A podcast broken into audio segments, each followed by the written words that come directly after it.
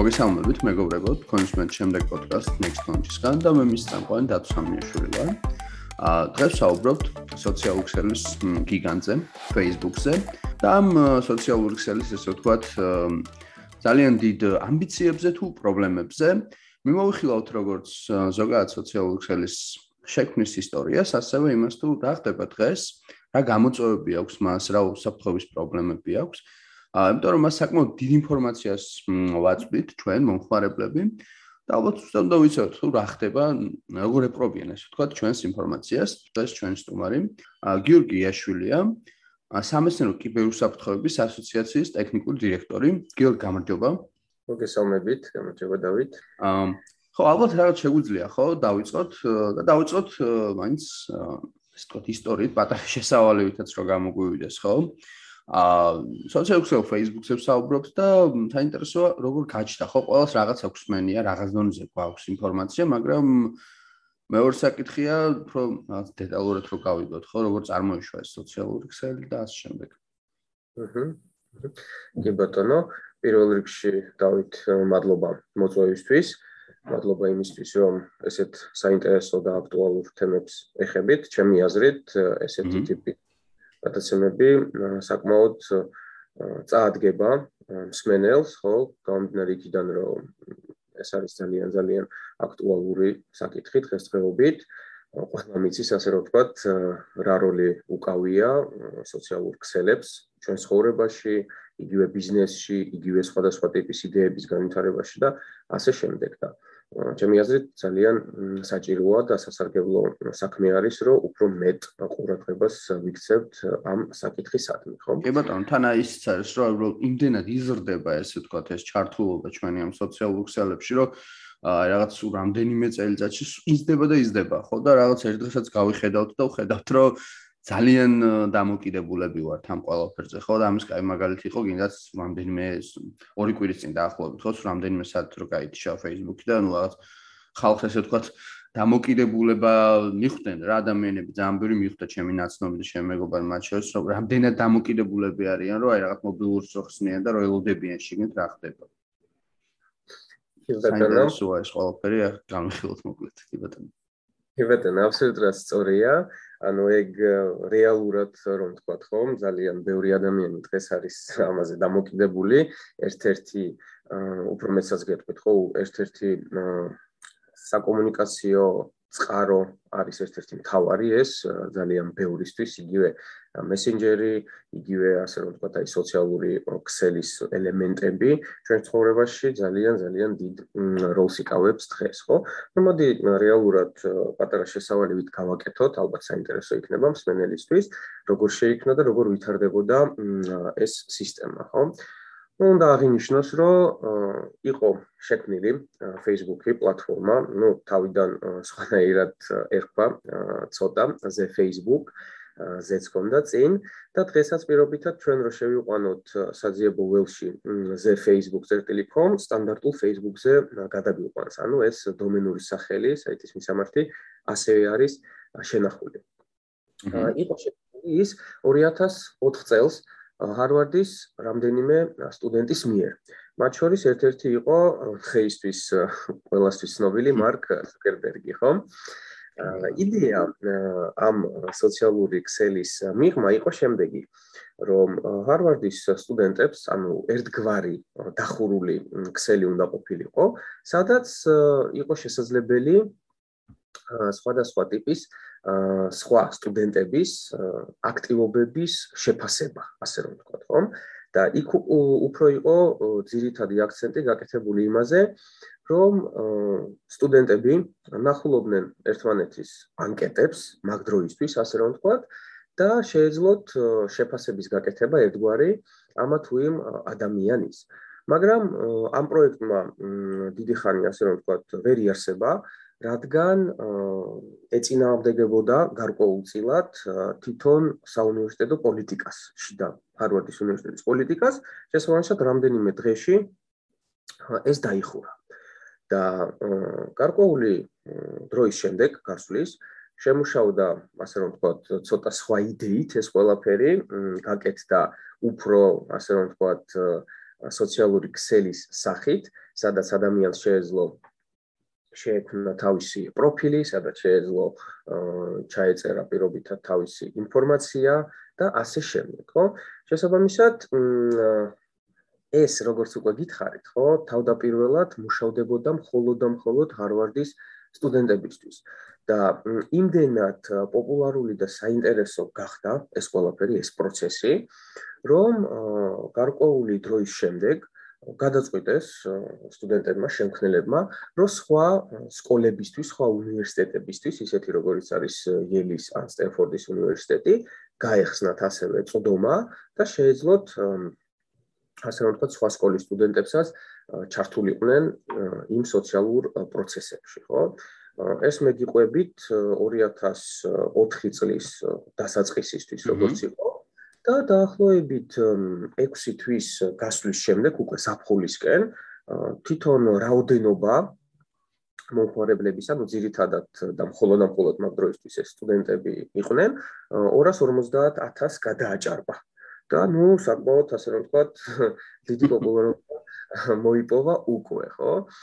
შესაბამისად 2004 წელსვე ზაფხულის შემდეგ შემუშავდა უფრო დაიხვეწა, ასე რომ ვთქვათ, მოხარებლის პროფილი და დაემატა ეგრეთ წოდებული კედელი.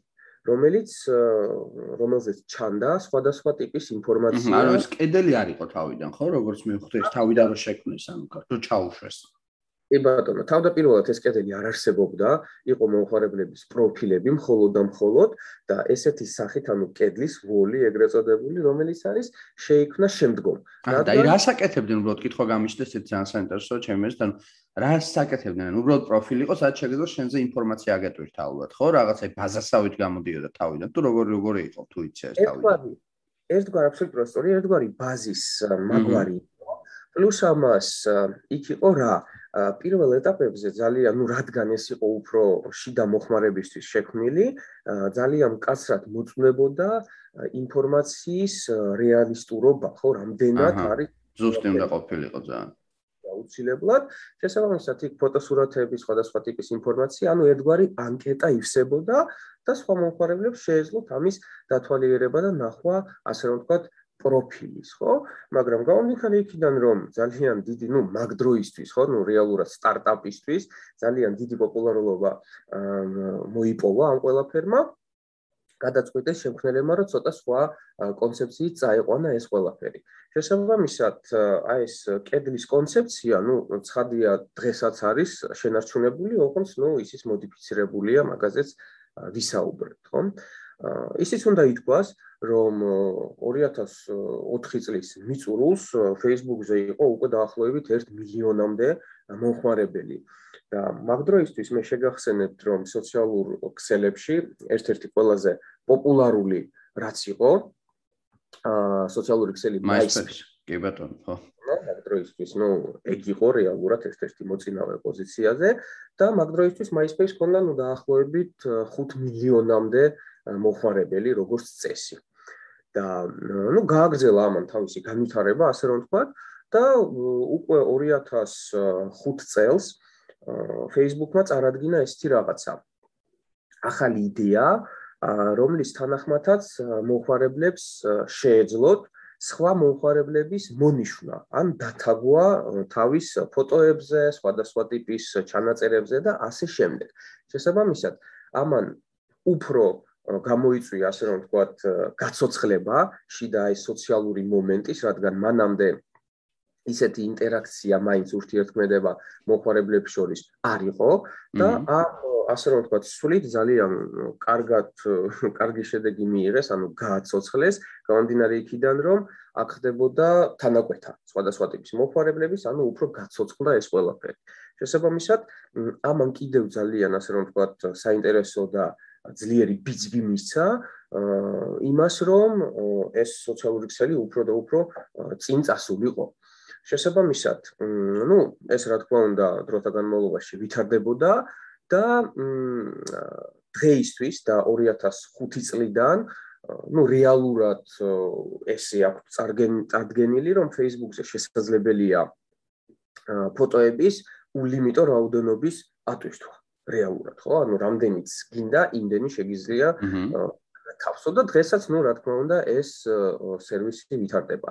პლუს ამას უნდა აღნიშნოთ ის, რომ თავიდანვე და დღესაც Facebook-ით სარგებლობა არის უფასო და ძირითადი, ასე რომ ვთქვათ, შემოსავალი, რაც რასაც Facebook-ი ხედავს, არის რეკლამები. ძალიან დიდი ნაწილი რეალურად შემოსავლის ეყნობა კონკრეტულად რეკლამირებას, რადგან დღეისთვის როგორც აღნიშნეთ, Facebook-ი გამოიყენება არამხოლოდ როგორც ვთქვათ, პირად სოციალურ ქსელად, არამედ ბიზნესისთვის, ხო? უამრავი კომპანია არსებობს, რომელსაც ელემენტარულად ვებსაიტიც არ აქვს. უბრალოდ Facebook გვერდი, ასე რომ ვთქვათ, რომელზეც აქვეყნებენ სიახლეებს, სხვადასხვა პროდუქტებს დებენ და ასევე უშვებენ სხვადასხვა ტიპის სარეკლამო კამპანიებს.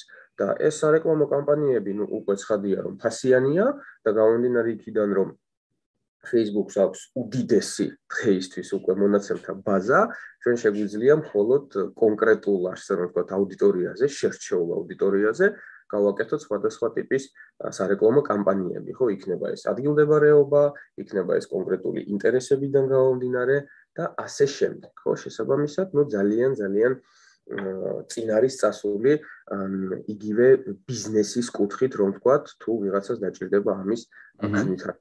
კი ბატონო. აი ის არის რა თავში რო ვახსენეთ რომ სწორედ თავიდან კედელი არ ქონდაო ხო და საკუთარ კედელი არ შეიძლება ქონოდა შემდეგ კი შემოდის ეს რაღაც ფოტოების დასაგვის ფენომენი ხო და აი მე უბრალოდ ესეთ შეკითხვა გამიშნեմ აი MySpace-ს ვახსენეთ და MySpace მე არ მქონია მაგალითად ანუ აი რა განსხვავება იყო ფუნდამენტურად რა შეგვიძლია თქვა რის ხარჯზეც Facebook ანუ რაც არ ქონდა სიტყვაზე MySpace ან სხვა სოციალურ ქსელებს, ანუ რის ხარჯზეც Facebook-მა ამხელა წარმატებას მიაღწია, ანუ აი ეს ფენომენები Facebook-ს ეკუთვნის მაგალითად. კი ბატონო, კარგი კითხვა. რეალურად აქ უფრო თუ ჩავეძიებით ამას, ხო? აა მივხვდებით, რომ აქ რამდენიმე ფაქტორზე ეს დამოკიდებული. ну პირველ რიგში რა თქმა უნდა მარკეტინგი უნდა იცოდე როგორ შეფუთო სხვადასხვა ტიპის პროდუქტი რომ ის უკეთ გაიყიდოს ასე რომ ვთქვათ ეს ერთი ანუ მარკეტინგით აჯობეს. მეორე იყო ის, რომ მაგ დროისთვის ზუსტად ჩვენი საუბარი დღეს მაინც უნდა დაუკავშირო ჩვენ უსაფრთხოების საკითხს, კიბერუსაფრთხოებას და აქაც ერთი საინტერესო მომენტია. მაგ დროისთვის ნუ MySpace იყო ძალიან ძალიან პოპულარული, აი ნუ ერთ-ერთი პირველი იყო, მოდი ესე ვთქვათ. და ზუსტად ამ პერიოდში, დაახლოებით 2004-2005 წელს, MySpace-ზე განხორციელდა თავდასხმა. ეს თავდასხმა არის ცნობილი დღესაც SEM-ის სახელით და ეს SEM-ი იყო ერთ-ერთი სტუდენტი, რომელმაც მოახდინა ერთგვარი მავნე ქმედების განხორციელება MySpace-ის შიგნით. ანუ მან გააკეთა ეს საინტერესო რამ. იპოვა პლატფორმაზე თვითონ MySpace-ზე არსებული სისუსტე, რომლის მეშვეობითაც გააკეთა ესეთი რამ. ყველა ადამიანი, ვინ შედიოდა ამ სემის პროფილზე, ავტომატურად მას სტატუსად ეწერებოდა რაღაც კონკრეტული მესიჯი, რომელიც სემის უნდა და რო ქონოდა და ავტომატურად ემატებოდა სემის მეგობრების სიაში. პლუს ამას, ვინც ყავდა მეგობრებში სემის, ვინც იყო შესული მაგ პროფილზე, ასე რომ ვთქვათ, მათ როგორც უკვე ვახსენე, ეწერებოდა სტატუსად სემის შესახებ ინფორმაცია და ნებისმიერი ადამიანი, ვინც მათ პროფილზე შედიოდა, არა მხოლოდ სემის პროფილზე, ასევე ავტომატურად ემოტებოდა სემის მეგობრებში და მათსაც, ასე რომ ვთქვათ, ეწერებოდა სტატუსად ეს სემის ინფორმაცია. შესაბამისად, დაახლოებით 24 საათში სემის ყავდა უკვე 1 მილიონზე მეტი მოხმარებელი და ეს როგორც ვთქვით, ვითარდებოდა ძალიან ძალიან სწრაფად რამაც გამოიწვია თვითონ MySpace-ის სერვისის გათიშვა რამდენიმე დღით. იმისთვის რომ გაერკვიათ რა ხდება, რატო ხდებოდა ესე და ასე შემდეგ, ხო? შესაბამისად, ну, წარმოიდგინეთ ესეთი თან მაგდროისთვის ტექნეტი იყო სუსხანაირი, სოციალურ ქსელებს უყურებდნენ სხვანაირად და ამ გათიშვამაც ძალიან, ასე რომ ვთქვათ, სერიოზული გავლენა მოახდინა. ამათ იმიჯზე.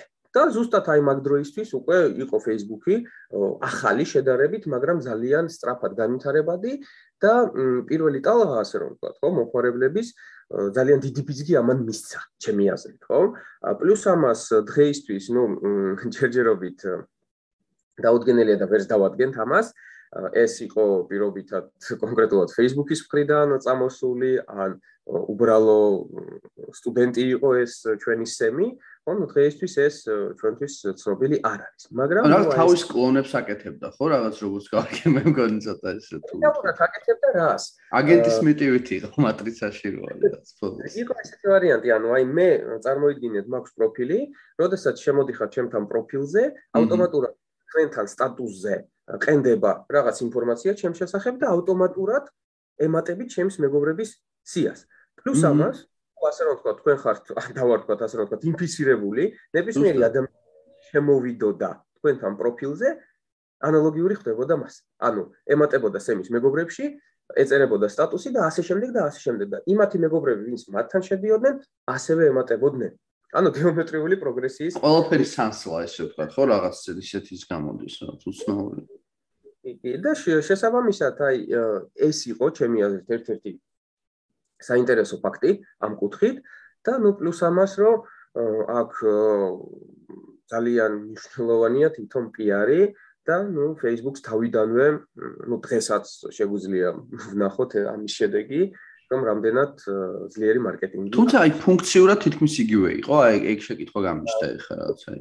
ფუნქციონალურად, ფუნქციონალურად მაგ დროისთვის ეგრეთ წოდებული თეგინგი შემოიტანა პირველად. რადგან აი ეს ონიშნა ადამიანების თქვათ სხვა პროფილების სურათებზე, ჩანაწერებზე მანამდე არ იყო ინტეგრირებული. და ნუ ამანაც რა თქმა უნდა გარკვეული როლი ითამაშა, ასე რომ თქვათ ამის განვითარებაში, ხო? MySpace-ზე მაგდროისთვის შესაძლებელი იყო თქვათ ერთმანეთთან კომუნიკაცია, შიდა ჩატის საშუალებით, რა თქმა უნდა, იყო ანკეტები და ასე შემდეგ, მაგრამ Facebook-მა მოწებნა, ასე რომ ვთქვათ, ის გზები, რომლის მიხედვითაც მოახდინა ამის განვითარება, ხო? შესაბამისად ძალიან აი ხო, აქ არის ჩემი აზრით უფრო კომპლექსი ამ ფაქტორების. კი ბატონო, რაღაც აი ორი რაღაცაც გენიალურ რაღაცად მიმაჩნია ყოველ შემთხვევაში მე ეს მგონია რამაც თელი ეს სამყარო ჩაიტრია, არის აი საწყისებს გულისხმობ, როდესაც მართლა შენი კედელი გაქვს, რა შენი პროფილი როცა გაქვს, აი ეს ხო ადამიანს რაღაც ანუ ინსტინქტებს უწევს იმას იმ დონეზე რა რა დონეზე როდესაც აი რაღაც შენ გაიუბნებიან რომ რაღაც აი ჩვენთვის რაღაც გაუგება მაშინ მით უმეტეს ხო სოციალური ქსელები რაღაც ნაკლებად ცნობილი იყო ზოგადად მასებისთვის და გეუბნები რომ გააქვს რაღაც ეს ამ ციფრულ სამყაროს შენი კედელი. სადაც შეგიძლია შენთვის რაღაცები დაპოსტო და შენი სამყარო იყოს და თუ გინდა იქ ვიღაცას კომენტარს წაუშლი რაღაცას არ მოგეწონება იმას დაუხაიდებ და ნუ აი ეს ალბათ ამ მგონია რომ ყველა ადამიანს მასიურად გააღვიძა რაღაც რომელს საბოლოოდ ყველა ჩაითრია შინ და ნუ შემდეგ უკვე უნდა ფოტოს დათაგვის მომენტი როცა ვიღაცა დაგთაგავს ხო უბრალოდ ჩანსი არა ყო დღება არ მიექცია და მე უკვე უშუალოდ ვცელდება ალბათ ესეც ხო მე რეგინდა შენს დადო ფოტო და სხვა დათაგო და აი ამ სემის არ იყოს მე რაღაც ყველა ყველა დეის ფოტოს და თაგავს ერთმანეთს რაღაც გონია რომ მაგან ძალიან იმოქმედა ყოველ შემთხვევაში.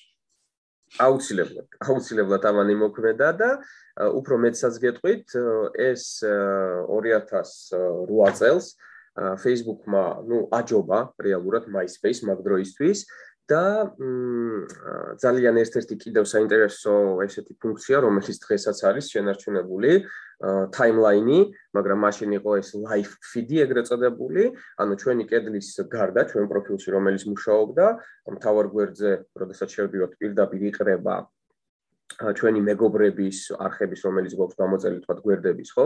სიახლეები, ესეც იყო ასე რომ ვთქვათ, ერთ-ერთი ინოვაცია, ერთ-ერთი ინოვაცია და მაშინ ძალიან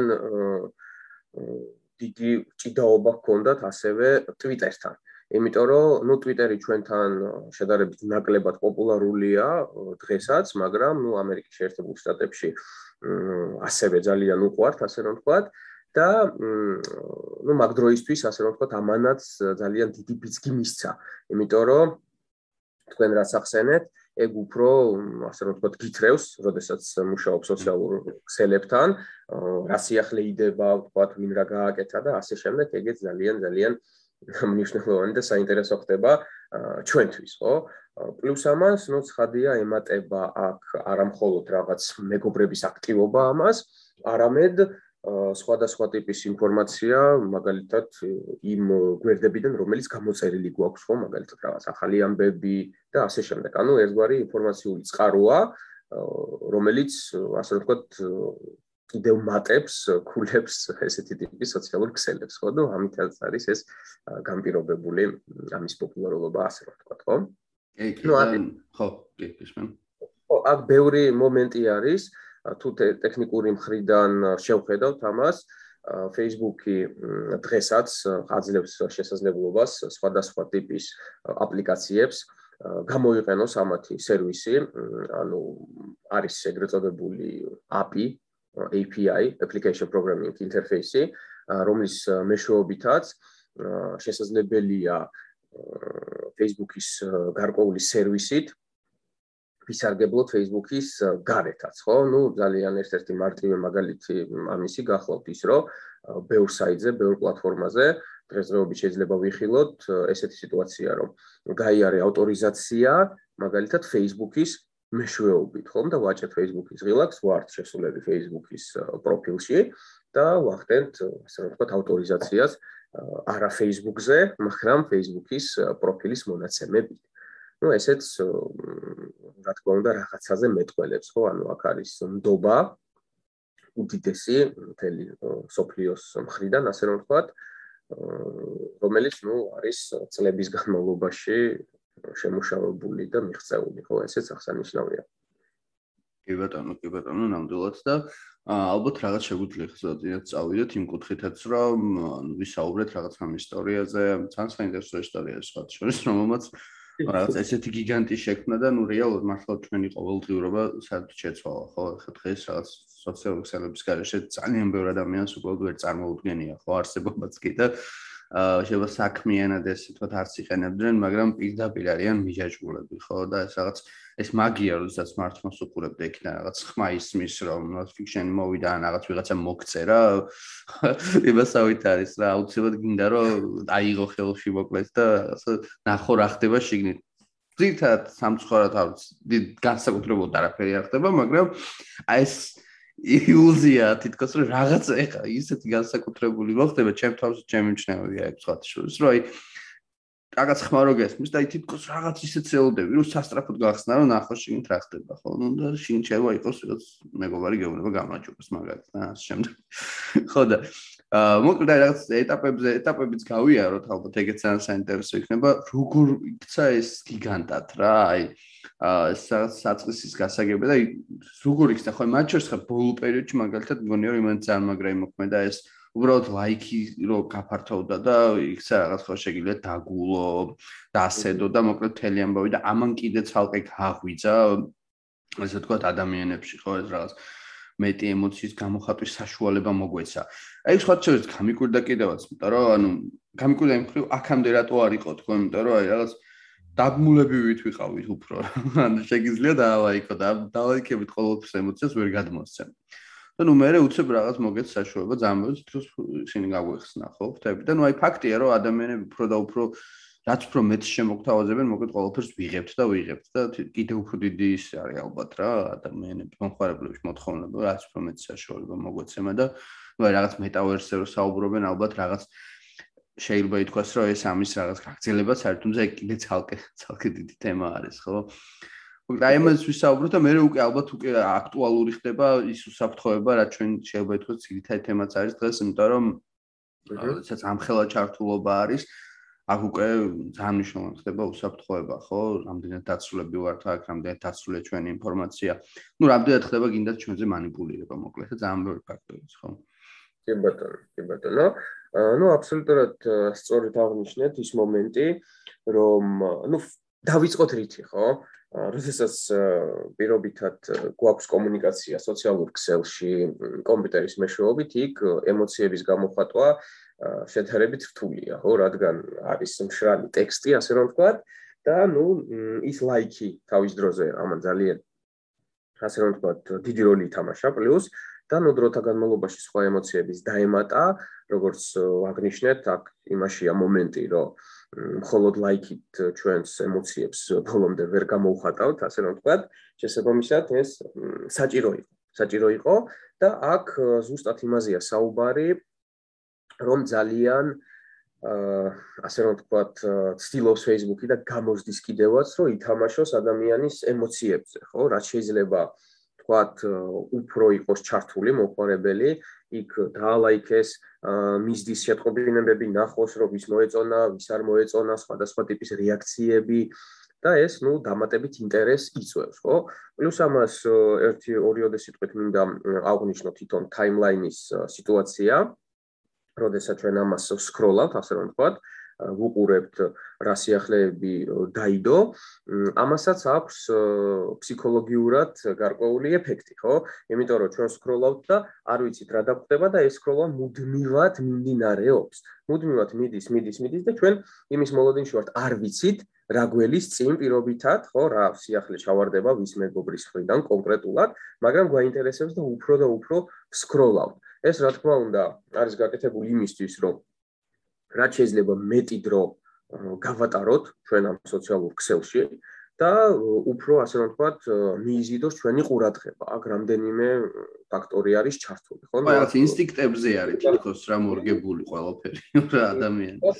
სულ სულ ტოვებს, ანუ ინტერესს. რომ იმიტომ რომ აი ამის შემდეგ რა არის ნეტაო და კიდევ მინდა ჩავსკროლო და კიდე ცოტა ხანი მოდი მოდი აბა ვნახავ და მივდივართ მივდივართ და შევყვებით ხოლმე, ხო? ანუ აი ზუსტად ამაზე არის ეს ყველაფერი აგებული.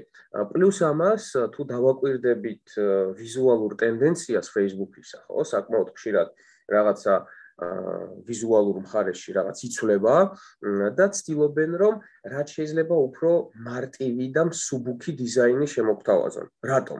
იმიტომ რომ ესეთი ტიპის დიზაინთან მუშაობა უფრო ხანგრძლივი და მარტივი ხდება. ანუ ჩვენ შეგვიძლია დიდხანს ვსკროლოთ და თვალი არ დაგვეღალოს პირობითად, ანუ მინიმალისტურია ეს ყველაფერი და პირდაპირ აა რა თქმა უნდა უფრო დიდხანს იპყრობ ჩვენს ყურადღებას, ხო? ანუ ესეც აქვს, ასე რომ ვთქვათ, გათვალისწინებული, ხო? ანუ ძალიან ბევრი ფაქტორი არის აქ.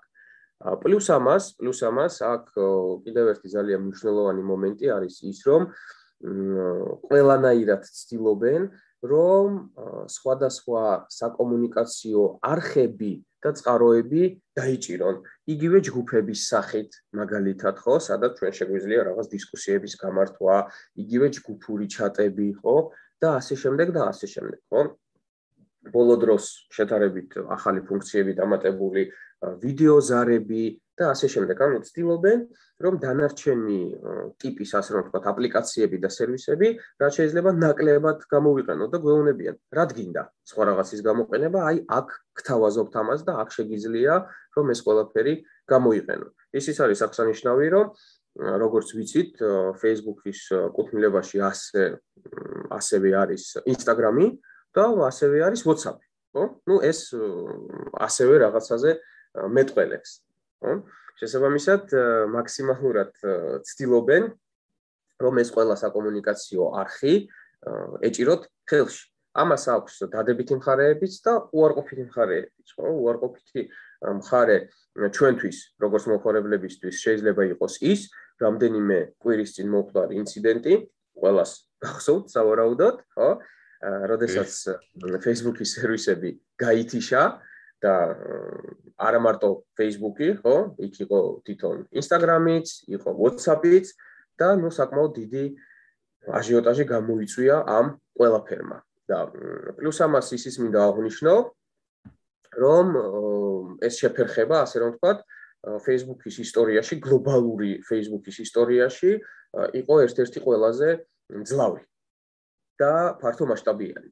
რადგან აქ შეიმჩნეოდა შეფერხება და მუშაობის სერვისების მუშაობის შეწყვეტა არა თქვა კონკრეტულ რეგიონებში არამედ თელსოფლიოში შესაბამისად ეს ძალიან სერიოზული მომენტი იყო და თუ გახსოვთ ნუ მაშინ გაჩერებული იყო ეს ყველაფერი Twitter ისიც რა ქვია WhatsApp-იც და Instagram-იც და მაგ დროს ზუსტად დაახლოებით 24 საათის განმავლობაში Twitter-მა ძალიან ბევრი ახალი მოხარებელი და აქტივობა შეიძინა მაგ დროს. ანუ მიაწოდა ყველა.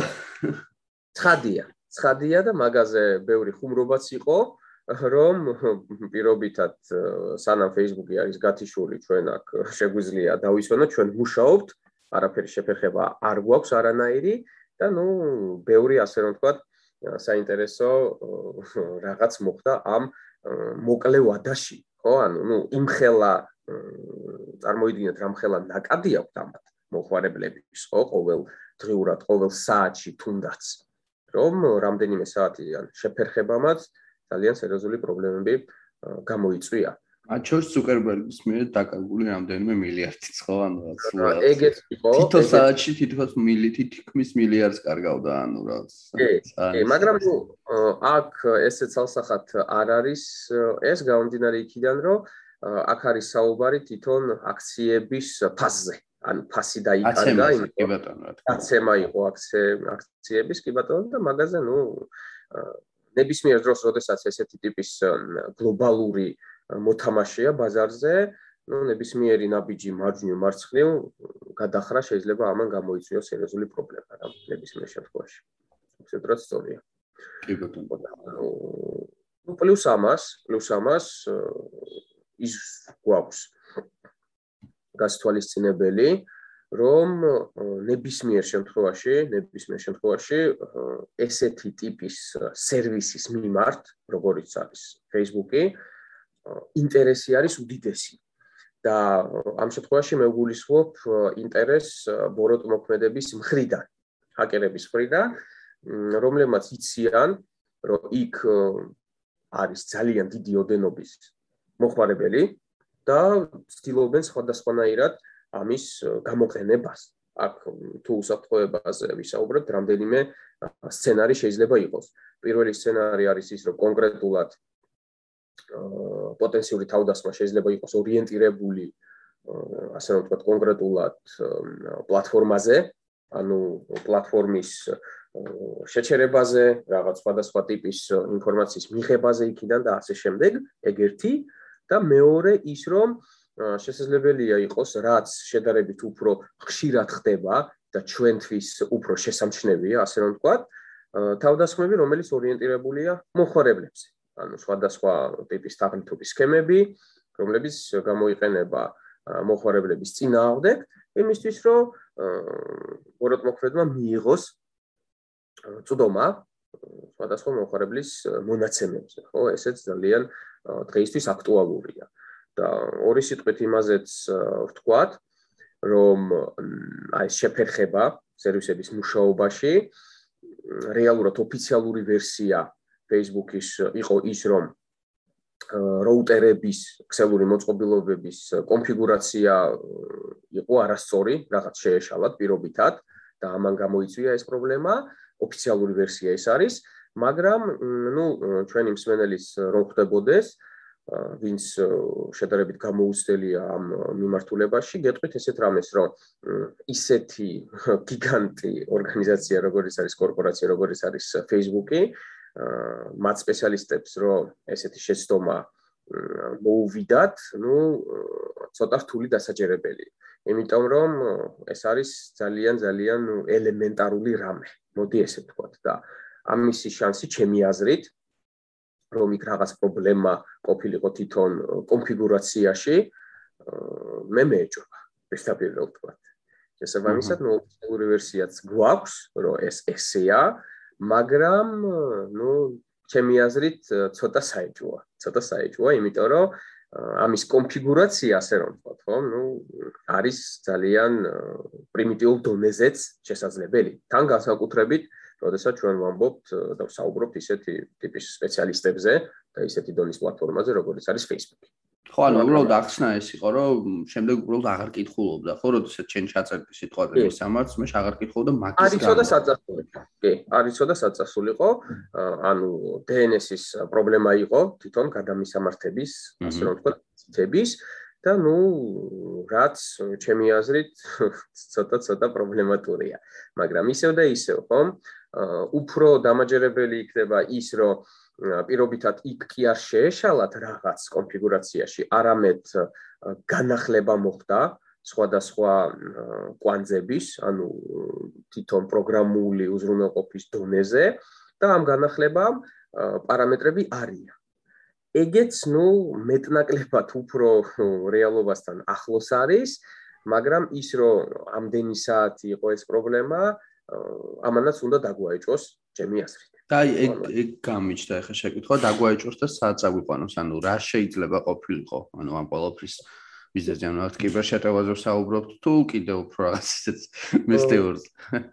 ბატონო, ანუ აქ მოტივი რეალურად შეიძლება იყოს ძალიან ბევრნაირი, ხო, დაწყებული რაღაც კიბერშეტევით. ну პირდაპირ ვთქვათ დღეს Facebook-ი არის ისეთ დონეზე რომ აი ესე აღება და რაღაც კონკრეტული შეცდომის პოვნა და შეღწევა სისტემაში, ну არ არის მარტივი საქმე, ხო? შესაბამისად შედარებით უფრო პოპულარულია თავდასხმები, რომელიც ორიენტირებულია ეგრეთ წოდებული სერვისის გათიშვაზე. ანუ სერვისი ხდება, არ ხდება ხელმისაწვდომი, ხო? ეგრეთ წოდებული denial of service. და რასაკეთებს ეს? სხვადასხვა გზით შეიძლება განხორციელდეს, ანუ რეალურად სისტემაში შეღწევა ამ შემთხვევაში არ ხდება, უბრალოდ ხდება გარკვეული სისტემური რესურსების გადავსება და სისტემა უბრალოდ აღარ პასუხობს, ანუ აღარ არის ხელმისაწვდომი. მარტივი მაგალითი რომ მოვიყვანოთ, ნებისმიერი ვებ პლატფორმა, რომელიც თქვათ არის ხელმისაწვდომი ინტერნეტში, მის მიღმა დევს არსებობს რაღაც სერვერი. სერვერი არის ძალიან მარტივიანით რომ ვისაუბროთ, რაღაც კომპიუტერი, ბევრად უფრო მძლავრი და შედარებით სხვანაირი ვიდრე გვიყენია სახში, მაგრამ მაინც კომპიუტერია, ანუ აპარატურული უზრუნველყოფა არის და მას გააჩნია თავისი რესურსი. მეხსიერება, პროცესორის სიმძლავრე და ასე შემდეგ.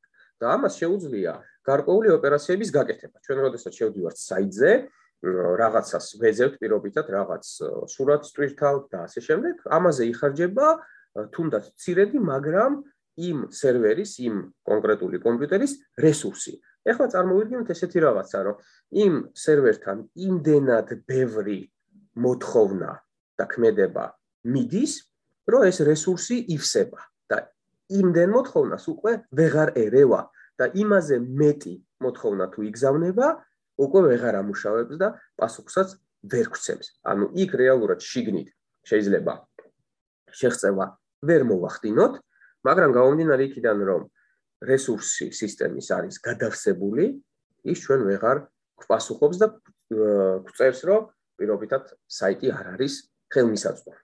რა თქმა უნდა, ისეთი ტიპის პლატფორმებზე როგორიც არის მაგალითად Facebook-ი, მსგავსი ტიპის თავდასხმის გაკეთებაც ძალიან რთულია.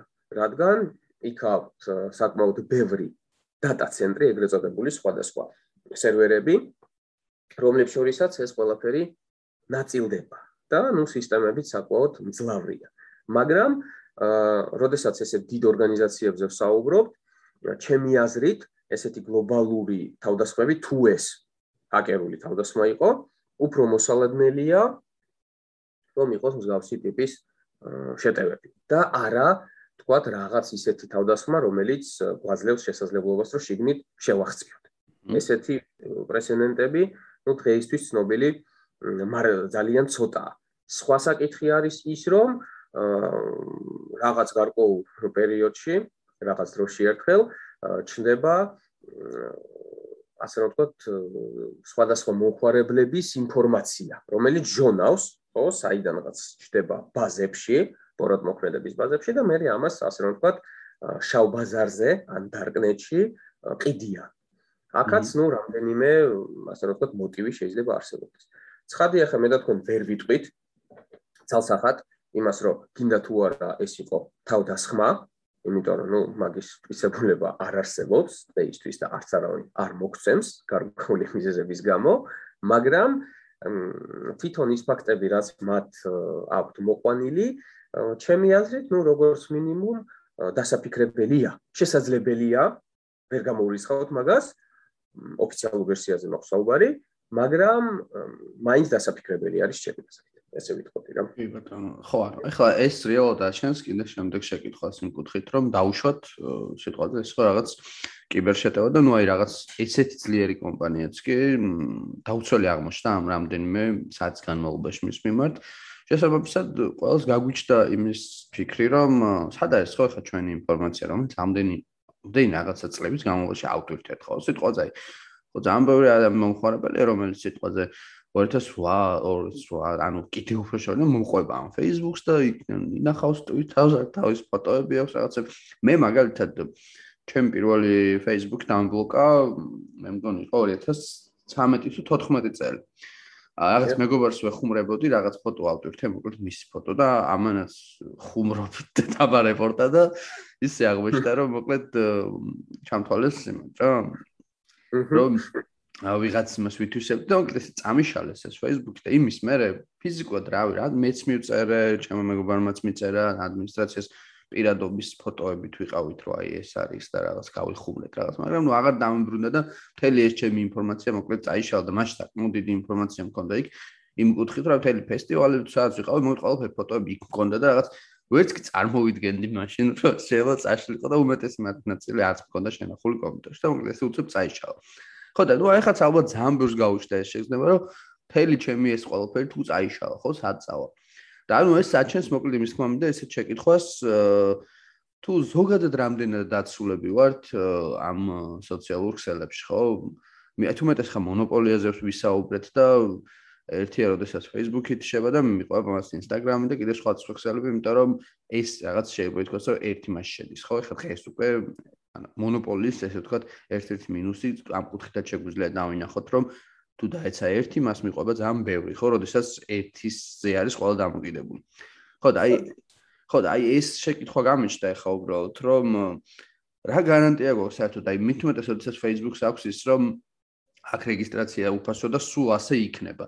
და ნუ აი ძალიან ბევრს ვისაც აქტიურად არ აქვს სიტყვაზე ამ კუთხით რაღაც შეხება არ ქონია, ხო, ბევრს რაღაც შევა გონია კიდევაც, რომ ну რაღაც რა კარგი სოციალურ რა კარგი არის ხო ეს Facebook-ი ანუ სულიად უფასო დამხელა მომხმარებას მთავაზობენ და მომსახურებას მთავაზობენ და ну მე რა არაფერს არ ვიხდი ამაში ხო თუმცა იქ კიდე ცალკე საკითხია რომ ჩვენ რეალოდ ვიხდით იმას რომ ჩვენ თვითონ ვართ ხო აქ ამ სოციალურ პროდუქტი ჩვენ ვართ რაღაც დონეზე გამოდის ხო იმიტომ რომ ამ ჩვენი აქტივობით მე ყიდის და ცოცხლობს ეს სოციალური ქსელი ესეც ესეც უნდა ვიცოდეთ აუცილებლად ყველამ რომ აა არ არის ხო ეს რაღაც რომ ვიღაცა უბრალოდ უფასოდ გვებსახურება რეალურად ჩვენ სადაც აა ესე თქვა რაღაც ჟარიხტი ფულს შეხტები პროდუქტი თვითონ და ესე გამოდის ესე მუშაობს ხო და აი გარის აი უსაფრთხოების კუთხით რო ვისაუბროთ რამდენად დაცულები ვართ რეალურად იმ ხრი რომ ესეთ რაღაც მოხდეს ან გინდაც ის რომ ჩვენ ინფორმაცია გაჟანოს სადღაც ვიღაცებმა თაგლთები იქნებიან სენ თუ მოიპოვონ ინფორმაცია ამას ხო რა მთელი სასამართლო თავებიც ქონდა ამერიკაში და ამბები და ეს კადრები ყოველას გვინახავს როგორც მინიმუმ კადრები რომ მარკ ზუკერბერგი ოზისი და რაღაც სენატორებს წინ მოხსენება აქვს ამ თემასთან დაკავშირებით. ხო და ბევრმა შეიძლება არ იცის რას ლაპარაკობთ მაგრამ ფოტოები მაინც გვინახავს ხო რომ ზისი და აი ეს თემას განვიხილოთ ძალიან საინტერესო კი ბატონო. როგორც მინიმუმ მიმები მაინც ეკნებათ ნანახი ამასთან დაკავშირებით. ხო კი ბატონო, კი ბატონო, საკმაოდ საინტერესო მომენტია. ну თუ ვისაუბრებთ იმაზე, თუ ვისაუბრებთ იმაზე, რომ რამდენად ვართ დაცულები, რამდენად არის ეს ჩვენი მონაცემები უსაფრთხოდ, მანდ ისევ და ისევ ვიტყვი რას. რადგან ჩვენ ვართ ამაზე რეგისტრირებულები, ჩვენ ესე იგი მას ვენდობით. ხო? ანუ ყველა ვარიანტში, ყველა ვარიანტში ჩვენ ჩვენი ნებით ტვირთავთ იქ სურათებს, სხვადასხვა ტიპის ინფორმაციას ვათავსებ და ასე შემდეგ. მაგრამ აქ მეორე საინტერესო საკითხი ჩდება. როდესაც ჩვენ რეგისტრირდებით სხვადასხვა საიტებზე, ვიყენებთ სხვადასხვა ტიპის პროგრამებს, ან ვაყენებთ თუნდაც მათ კომპიუტერებზე, დაყენების პროცესში ჩვენ გვაქვს ხედავთ ერთ ესეთ შეტყობინებას. რომელსაც ეწოდება კონფიდენციალურობის პოლიტიკა ან გამოყენების პირობები. ეს არის დიდი დიდი უინტერესო ტექსტი, რომელსაც არავინ არ კითხულობს და სწრაფად ჩამოვდივართ და ვაძლევთ რომ კი ბატონო ვეთანხმები და ვაგზელებთ. მაგ ტექსტს რო ჩავეძიოთ, თუნდაც Facebook-ის კონფიდენციალურობის პოლიტიკაში, ეხლაც არის ხელმისაწვდომი, შეიძლება ინახოს სპეციალურ განყოფილებაში, სადაც წერია როგორც აღნიშნეთ, არც თუ თლად გასაგები ენით, ბევრისთვის, ასე რომ ვთქვათ, ის თუ რაზე ვაძლევთ დასტურს, დასტურს იმით რომ რეგისტრირდებით ამ სისტემაში და როგორ შეიძლება იყოს გამოყენებული ეს ჩვენს მიერ ატვირთული მონაცემები და ვინ არის ამაზე პასუხისგებელი, ასე შემდეგ და ასე შემდეგ. აღმოვაჩენთ რას? აღმოვაჩენთ იმას, რომ Facebook-ს შეუძლია, რომ ესეთი ტიპის მონაცემები გარკვეული დოზით გადასცეს თავის პარტნიორებს. იგივენაირად ჩვენ შეგვიძლია აქ მოვიყვანოთ მაგალითი მარკეტინგისა. როდესაც კეთდება Facebook-ზე ფასიანი რეკლამა, შესაძლებელია იქ მითითება სხვადასხვა კუთხით, მაგალითად ინტერესების მიხედვით, როგორ დაალაგდეს, ვის ვაჩვენოთ ეს რეკლამა, ასაკობრივად, ლოკაციების მიხედვით და ასე შემდეგ. ხო, ანუ ეს მონაცემები Facebook-ს აქვს და ასად არ მიდის ცხადია. მაგრამ აქ რეალურად იმაზე არის საუბარი, რომ ჩვენ თავად ავტვირთეთ ეს მონაცემები მათ. შესაბამისად, ჩვენ ამ სერვის ვენდობით. თუ არ ვენდობით, მაშინ მაგას ნუ გამოვიყენებთ. ანუ მსგავსი ტიპის პოლიტიკა არსებობს. მაგრამ ისევ და ისევ, ხო? ძალიან ბევრს აქვს, როგორც თქვენ აღნიშნეთ, ერთგვარი არქივი, იგივე ფოტოსურათები, სხვადასხვა ტიპის მასალების, უშუალოდ Facebook-ზე.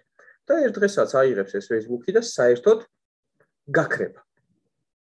როგორ უნდა მოიქცეთ ამ შემთხვევაში? ხო, აი, ძალიან მაგარი. ეგეც ძალიან საინტერესო არის. და ჩემი აზრით, ჩემი აზრით აქ ცოტა რთული სიტუაცია. რთული სიტუაცია იმ კუთხით, რომ თუ კი ამხელა გიგანტი პირობითად გაქრება, აქ არამხოლოდ კონკრეტული მოხარებლების პრობლემა არის, არამედ დიდი ორგანიზაციების, თქვათ, რომლებსაც აქვთ თუნდაც ნაწილობრივ, მაგრამ გარკვეული PR კამპანიები, მარკეტინგის სულები, უამრავი ფული აქვს ჩადებული მარტივად რო თქვა, რომ ამ ხელა რაღაც ლაიქებზე და აუდიენსებზე გავიდნენ, ხო? როგორც ვიდეო. აუცილებლად ეს არის დიდი პრობლემა, ასე რომ თქვა, მაგრამ ну, აქ ისევ და ისევ ის მომენტია, რომ ჩვენ თუ ამ სისტემას ვიყენებთ, ჩვენ ამას უნდა ვენდოთ. სხვა გზა არ გვაქვს, ხო და ჩვენ არ გვაქვს და ბერს გვექნება იმის 100%-იანი გარანტია, რომ გინდა თუ არა ეს იგივე Facebook-ი ახ რაიმე მსგავსი პლატფორმა მუდმივად იმუშავებს, ხო? იმიტომ რომ ისტორიას რო გადავხედოთ, იგივე Facebook-ის ისტორიასაც მაგ დროისთვის იგივე MySpace-ი, რომელიც საკმაოდ მყარი პლატფორმა იყო ამ დროისთვის, დღეს MySpace-ი აღარავის ახსოვს, ხო? შესაბამისად, შეიძლება იყოს სხვადასხვა ტიპის მოვლენები, შეიძლება გამოჩნდეს რომელიმე სხვა სოციალური ქსელი, რომელიც რაღაცას გააკეთებს პირობითად ისე რომ იმოქმედოს იგივე Facebook-ზე. დღეისთვის ეს ცოტა ძნელად წარმოსადგენია, მაგრამ მეწუნეთ თუ დაუბრუნდებით 2004 წელს, ვიღაცას რო ითქვა რომ MySpace ჩაძირავს ახლა შექმნილი 4 სტუდენტის მიერ რაღაც პლატფორმა, ხო, ისიც ცოტა ნაკლებად დამაჯერებელი იყო, ხო? შესაბამისად, რო დაუბრუნდეთ კითხვას, ვიტყვი ესეთ რამეს, რომ ისევ და ისევ რა კი ჩვენ ვართ ამ სისტემის მოხარებლები, ძალიან ბევრი რამე არის აგებული ჩვენს ნდობაზე. და ჩვენ ისევ და ისევ ის არის აღსანიშნავი, რომ არავინ ამას არ გვაძალებს, ცხადია, ჩვენ ჩვენით ვაქვეყნებთ ამას, შესაბამისად ეს პასუხისგებლობა არის ასე რომ ვთქვა დაბალანსებული. შესაბამისად ჩვენ როგორც მოხარებლებს უნდა გვესმოდეს, რომ ეს არ არის ჩვენი ასე რომ ვთქვათ პირადი სივრცე, რომელიც ფიზიკურად ჩვენთან დევს სახლში, ვთქვათ, ან ოფისში და უნდა გვესმოდეს, რომ ეს არის რაღაც სერვისები, რაღაც სერვერები, ასე რომ ვთქვათ, რომელიც ჩვენს ფიზიკურ განკარგულებაში არ არის. და უბრალოდ გვაქვს ასე რომ ვთქვათ ამაზე დროებითი წვდომა. ხო, ну ეს ამას ყველა ვარიანტში უნდა ვითვალისწინებდეთ, ამას ვერსად ვერ გავიქცევით. ესე იგი. თუმცა აი აქ ძალიან მაგარი მომენტი არის, რა ვთქვით, რომ აი რომ აი ხახსენე რომ ანუ ეს უნდა გავიაზროთ, რომ ეს რაღაც ჩვენს შევა გონია რომ დეუს ოთახში ან რაღაც ოფისში, მაგრამ ეს პირდა ჩვენი სიუცე არ არის, ხო, იმიტომ რომ თუმცა ამის პერიოდში ძალიან რთულია, იმიტომ რომ ძალიან ბევრ ადამიანს, ინდივიდებს, კომპანიებს რომ ამწავს თავი დავანებოთ, ან ჩვენ თუმცა კომპანიებიც ესენ პოზიციონირებენ აღსტანეზე, ხო? აი თავისი იდენტობა აქვს ჩადებული ან შეიძლება ითქვას რომ ორი ცხოვრობი ცხოვრები ცხოვრობენ ხო ერთ რაც რაც რეალურ ცხოვრებაში როგორიც არის და მეორე სოციალურ ქსელებში როგორიც არიან ხო აი ძალიან ბევრი ეს ადამიანები განსხვავდებენ პირადად რო გაიცნო აღმოჩნდება რომ საერთოდ სხვანაირი ადამიანია თუმცა სოციალურ ქსელში კიდე სხვანაირი ადამიანია და ხშირად ამ ამ ორი რაღაც აღრევა ხდება ხოლმე და აი მაგაზეც მიფიქრია რომ რა მოხდება როდესაც ადამიანებს ეს წაერთმევათ დრო წაერთვეთ სიტყვაზე ხო? უცებ მთელი ეს შენ რაღაც წარმოიდგინე შენ შენ ფსიქიკამ რაღაც წარმოშვა რაღაც ჩამოყავდა რომ ეს ადამიანი ხარ ორი ცხოვრებით ცხოვრობ და უცებ გაბდა ერთ დღეს აღარ არსებობს ეს შენ ცხოვრება ფაქტ შენი მეორე ნახევარი კვდება ხრება ხო? და ეს ცალკე რაღაც ის არის რაღაც იმას სისტემი ხარ ხო აი აი ეგ რაღაც იმას გავს ხო და აი მაგიტომ გამიშდა ეგეთ შეკითხვა რომ ანუ შესაძლებელია რაღაც დონეზე ისეთი და ისეთ თავდასხმა მოხდეს მაგალითად რომ ვეღარ აღკლეს რა. აი აქ ვისაუბრეთ იმაზე რომ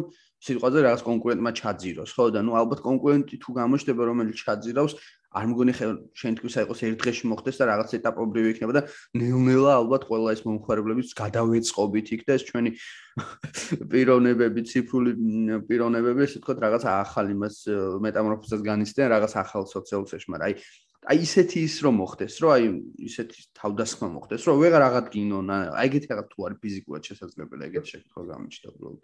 კარგი კითხვა, კარგი კითხვა. ნუ რეალურად, რეალურად აქ რაზე არის საუბარი, ხო?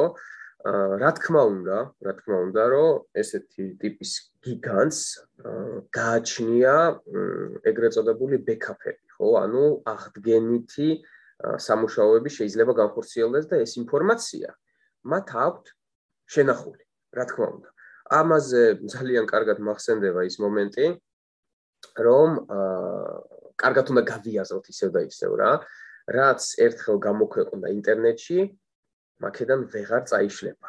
მეუხედავთ იმისა, რომ ჩვენ შეიძლება ეს წავშალოთ ჩვენით პირობითად, მაგრამ ეს მაინც ილექება. ანუ არქივი ამისი არსებობს. რა თქმა უნდა, ჩვენ ამას არ გვეუბნებიან და ჩვენ ამას ვერ ხედავთ, მაგრამ აუცილებლად ეს ხედველობაში უნდა გქონდეს. ანუ არსებობს, არსებობს ეს სარეზერვო მონაცემთა ბაზები, სადაც ეს ყველაფერი ინახება და პირობითად თუ ერთ სერვერს კონკრეტულს რაღაც მოუვიდა, ამის აღდგენა რა თქმა უნდა არის შესაძლებელი და ამაზე მერწმუნე საკმაოდ დიდი სახსრები გამოიყოფა. ნუ ეს ყველაფერი იყოს შენახული, ხო? მაგრამ ყოველთვის არსებობს იმის რისკი, რომ რამდენიმე ის სარეზერვო კოპიო მათ შორის ფიზიკურ დონეზე როგორ ხდება რანაირად ხდება ეს უკვე სხვა საკითხია ამაზე წუღმა. მაგრამ ფიზიკურ დონეზეც ძალიან ბევრჯერ სხვადასხვა ორგანიზაციებში ყოფილა ესეთი ტიპის თავდასხმები, რომ უბრალოდ ანადგურებდნენ მოწყობილობებს. თვითონ შემნახო მოწყობილობებს ფიზიკურ დონეზე. მაგრამ ნუ აქ ისევ და ისევ რამდენიმე ფაქტორი უნდა დაეთქვეს. და უფრო მეცაც გეტყვით, რომ ეს აღდგენითი ასლები, რაც არის, მათ აქვთ არა ერთგან. საკმაოდ ბევრი ექნება შესაბამისად, ამის ალბათობა არის საკმაოდ დაბალი, მაგრამ ნუ 100%-იანი გარანტია ჩვენ არ გაგვაჩნია. მაგრამ ისევ და ისევ გეტყვით, რომ აა ჩვენ თუ ფიქრობთ ამაზე, ისინი უფრო ბევრს ფიქრობენ, რადგან ეს მათი მილიარდებით შემოსავალი არის და ნუ ცოტა სხვა კუთხით უყურებენ ამ ყველაფერს. მაგრამ რა თქმა უნდა, ამის რისკი არსებობს. უბრალოდ აქ ჩვენ იმაზე ვსჯელობთ, თუ რამდენად მაღალია და რამდენად დიდია იმის ალბათობა, რომ ეს ჩვენი რისკი რეალობად იქცეს, ხო? მაგაზე უფრო საუბარი. თუმცა, ну, როდესაც ესეთ გიგანზე საუბრობთ, ეს გათვალისწინებული აქვს ყველა ვარიანტში. აქ უფრო საფათო არის რა? უფრო საფათო ჩემი აზრით არის ის мотивация. ანუ რითი შეიძლება იყოს ეს გამოწვეული, ვთქვათ, კონკურენტების მიერ, აა ვიღაც ბოროტმოქმედების მიერ ან სხვა რაიმე ფაქტორებით, ხო? აი ეს ეს უფრო ჩემი აზრით დასაფიქრებელია, რომ უფრო ყურადსაღები იქნება ის თუ რატომ მოხდება ეს, ანუ ვის დასჭირდება? მოდი ესე ვთქვათ რა.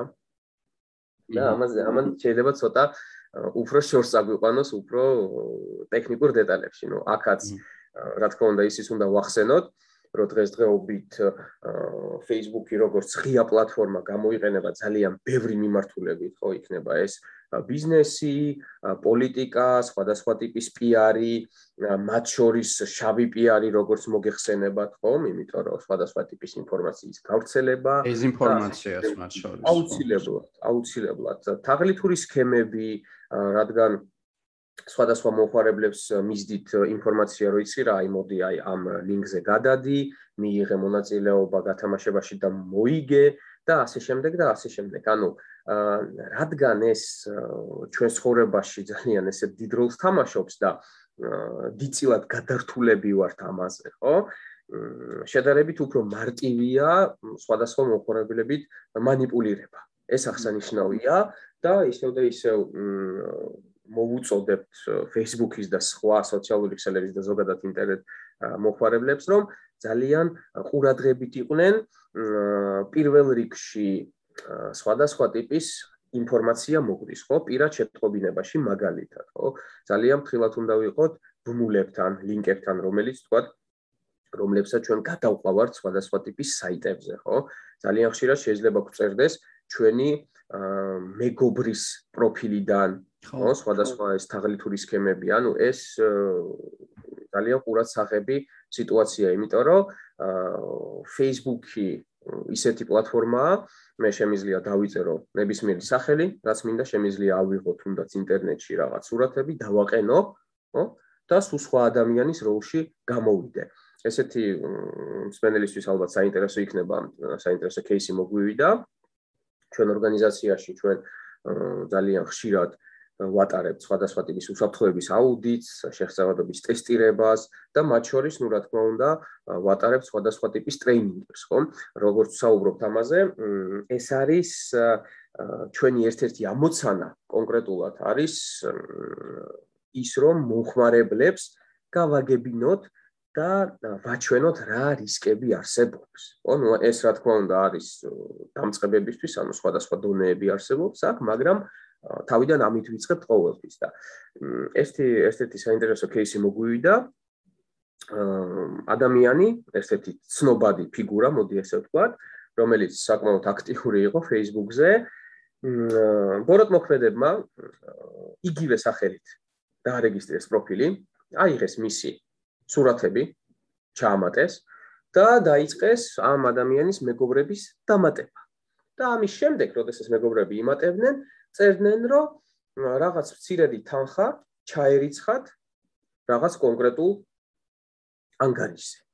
თანაც ეს არ იყო რაღაც საბანკო ანგარიში, იმიტომ რომ საბანკო ანგარიშიდან პირდაპირ შესაძლებელია ვინაობის დადგენა მისი მფლობელის და წერდნენ ძალიან ბევრ ადამიანს და რამდენიმე ჩაურიცხა თანხები რეალურად და სანამ იმ ადამიანამდე მივიდა ეს რომ ვიღაცა თაღლითობს მისი პროფილით, რამდენიმე ადამიანი დაზარავდა. ანუ ისევ და ისევ, ხო, ჩვენ უნდა კონდეს ხედველობაში, რომ ესეთი რაღაცები ხდება და ესეთი რაღაცები შესაძლებელია პლატფორმის გამოყენებით და რა თქმა უნდა მეტი სიფრთხილე არის საჭირო. და დღეს უფრო შემაშინებელი და შემაშფოთებელი არის კონკრეტულად Facebook-ის უსაფრთხოებაზე თუ საუბრობ, კონკრეტულად აი ეს ასპექტი. რო ხდება მოხმარებლების შეცდომაში შეყვანა და მუშაობს სხვადასხვა ტიპის თაღლითური სქემები. ეს უფრო პრობლემატურია ხოლმე დღეისთვის, ვიდრე პირობითად ვიღაცამ გატეხა Facebook-ის რაღაც სერვისი და იქიდან რაღაც ინფორმაცია წამიღო.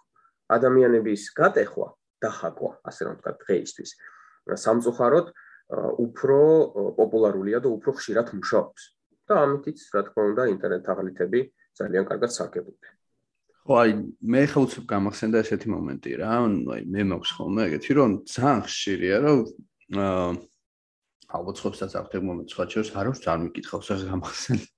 აა აი უცნაური აკაუნტები რო გამატებენ ძალიან უცნაური რა აი მაგალითად რაღაც ვითომ სექსუალური გოგოს ფოტო რო აქვს ავატარა დაყენებული და ანუ რო მასშტაბი რა ქვია გადადიხარ ვინ გამატებს აქვს რაღაც უცნაური სახელი და გვარი და რომ გადადიხარ იქ ტექსტი წერია Google Translate-ით თარგმნილი, ვითომ გადმოქართულებული რაღაც ძალიან უცნაური რა. ანუ და ну, რა თქმა უნდა, ეხა ელემენტარულ დონეზე ვისაც აქვს შეხება ინტერნეტთან და კონტაქტთან, ну, ავტომატურად ხვდები, რომ ეხა ეს აკაუნტი არაფერ არ არის სანდო და ну, მას არ უნდა რამე ის თუ აქვს ლინკი, არ უნდა გადაყვება მას და ну, ავტომატურად რა თქმა უნდა ბლოკავ ხოლმე ეს რაღაც, მაგრამ ძალიან ხშირად მომდის რა friend request ესეთი აკაუნტებისგან რაღაც ფაქტიურად ორ დღეში ერთხელ მაინც ესეთი თვითო უცნაური და რაღაც ძალიან შემოქვს ტვინში რა გათიშული მაქვს ხოლმე რომ ხო ნუ ეგ ასიგები რაღაც მაიმუნობა და იმაშავი ხოლმე თიშავ ეგრევე და აი ესეთ რაღაცები არ ვიცი ალბათ ჩვენ გეხნება ალბათ ვიღაცები შევა მოუმართავთ კიდევაც არ ვიცი ვიღაცები თუ ტყუდებიან ამაზე ცოტა რთული წარმოსადგენია ჩემს მას შევა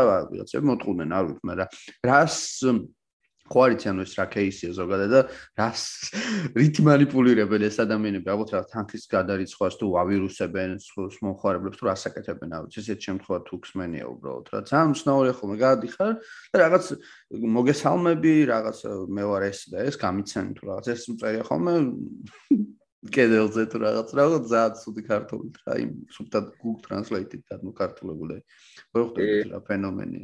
არის შემთხვევები რომ ვიღაცები ამაზე ტყუდებიან მაგალითად სამწუხაროდ არის სამწუხაროდ და ანუ რა არის ეს? რა მომენტი არის ის? ნუ ისტორია შეამჩნია რომ Google Translate-ის გამოყენებით არის რაღაცები ანუ ქართული არც არის ლოგიკურად ხო? ანუ ვიღაც search უსინი არის search-ers დონეზე ალბათ იმაშობიან რა. ხო ხო და ნუ რაზე არის ახლა ეს ორიენტირებული ვიზზე მოდი ესე ვთქვა ხო? აყენია ვიღაც იმზიდველი გოგონა სურათი პირობითად შედის ადამიანი პროფილზე და წერია უკეთ მინდა თუ გინდა გამიცნო. აუ ხო რაღაც კი კი კი ან რაღაც პრივატული ჩატი ან მოდი კიდე ფოტოებს გამოგიგზავნი აი ამ ლინკზე გადადი. თუ დავაკვირდები მანდ არის ხოლმე რა ნებისმიერ შემთხვევაში, როდესაც ჩვენ თაღლითობასთან გვაქვს საქმე, ხო? ნებისმიერ შემთხვევაში იქ არის ეგრეთ წოდებული call to action, ანუ გვიბიძგებენ რაღაც ქმედებისკენ. ან რომ მივწეროთ მათ, ან რომ გადავიდეთ რამე ლინკზე, ანუ რეალურად מחეში ხვევენ, ხო? ან შეგვიძლია გადავიდეთ იმ ლინკზე, იმ ლინკზე ჩვენ მოგთხოვენ რომ ისი რა, აი თუ გინდა ამ გოგონის რაღაც ფოტოების ნახვა, უფრო პრივატულად, კი რა შედი აქ და მე რო შეხვალ იქ მოგთხოვენ ან თქვა 1 დოლარად რაღაცა წუდობას და ბარათის მონაცემებს ან მოგთხოვენ მაგალითად იცი რა გადავალთ მაგ საიტზე და ეს საიტი ძალიან დაემსგავსება თქვა Facebook-ს ან რაიმე სხვას და გვეტყვიან რომ აი ავტორიზაცია გაიარე პირობითად შეყვავს ჩვენი მოხარეხის სახელი და პაროლი და ვოროტმოქმედს აქვს ჩათვალე ჩვენი პროფილის მონაცემები ხო ანუ ძირითადად ეს თაღლითური სქემები მუშაობს ну პირველ რიგში ხო მათი ამოცანა არის რა მიიზიდოს ადამიანი თქვა ნახოს რაღაც ფოტოები პირობითად და დააინტერესოს და მე უკვე შეიყვანოს შეცდომაში აქაც ну ემოციაზე და უფრო ინსტინქტზე მუშაობს ესეთი ტიპის თაღლითური სქემები და სამწუხაროდ სამწუხაროდ დღესაც არსებობს მოყარებლების კატეგორია რომელიც ასე რომ ვთქვა, ტყუდება ესეთი რაღაცები. რა თქმა უნდა, წლებთან შედარებით, წინა წლებთან შედარებით ესეთი მოხარებების რაოდენობა უფრო ნაკლებია, მაგრამ ბოროტმოქმედებსაც არ ზინავთ და ყოველთვის ფიქრობენ როგორ ფორმებს ცვლიან ალბათ.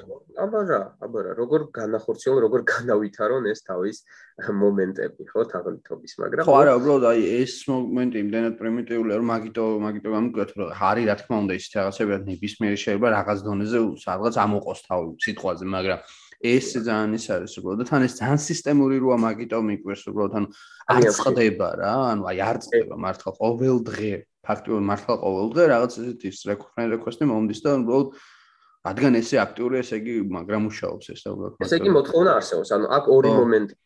პირველი მომენტი არის ის რომ მოთხოვნა არსებობს და კარგად მუშაობს და მეორე ამას უწოდებენ ასევე თევზაობას. ანუ რაც უფრო მეტი ადამიანთან ხო, გაიგზავნება, კი ბატონო, ფიშინგი, მით უფრო დიდი შანსია იმისა, რომ ვიღაცა რეალურად წარმოეგოს ამაზე. აი ეგ მომენტი არის რეალურად და ამიტომაც, ნუ, საკმაოდ პოპულარულია დღესაც ეგ.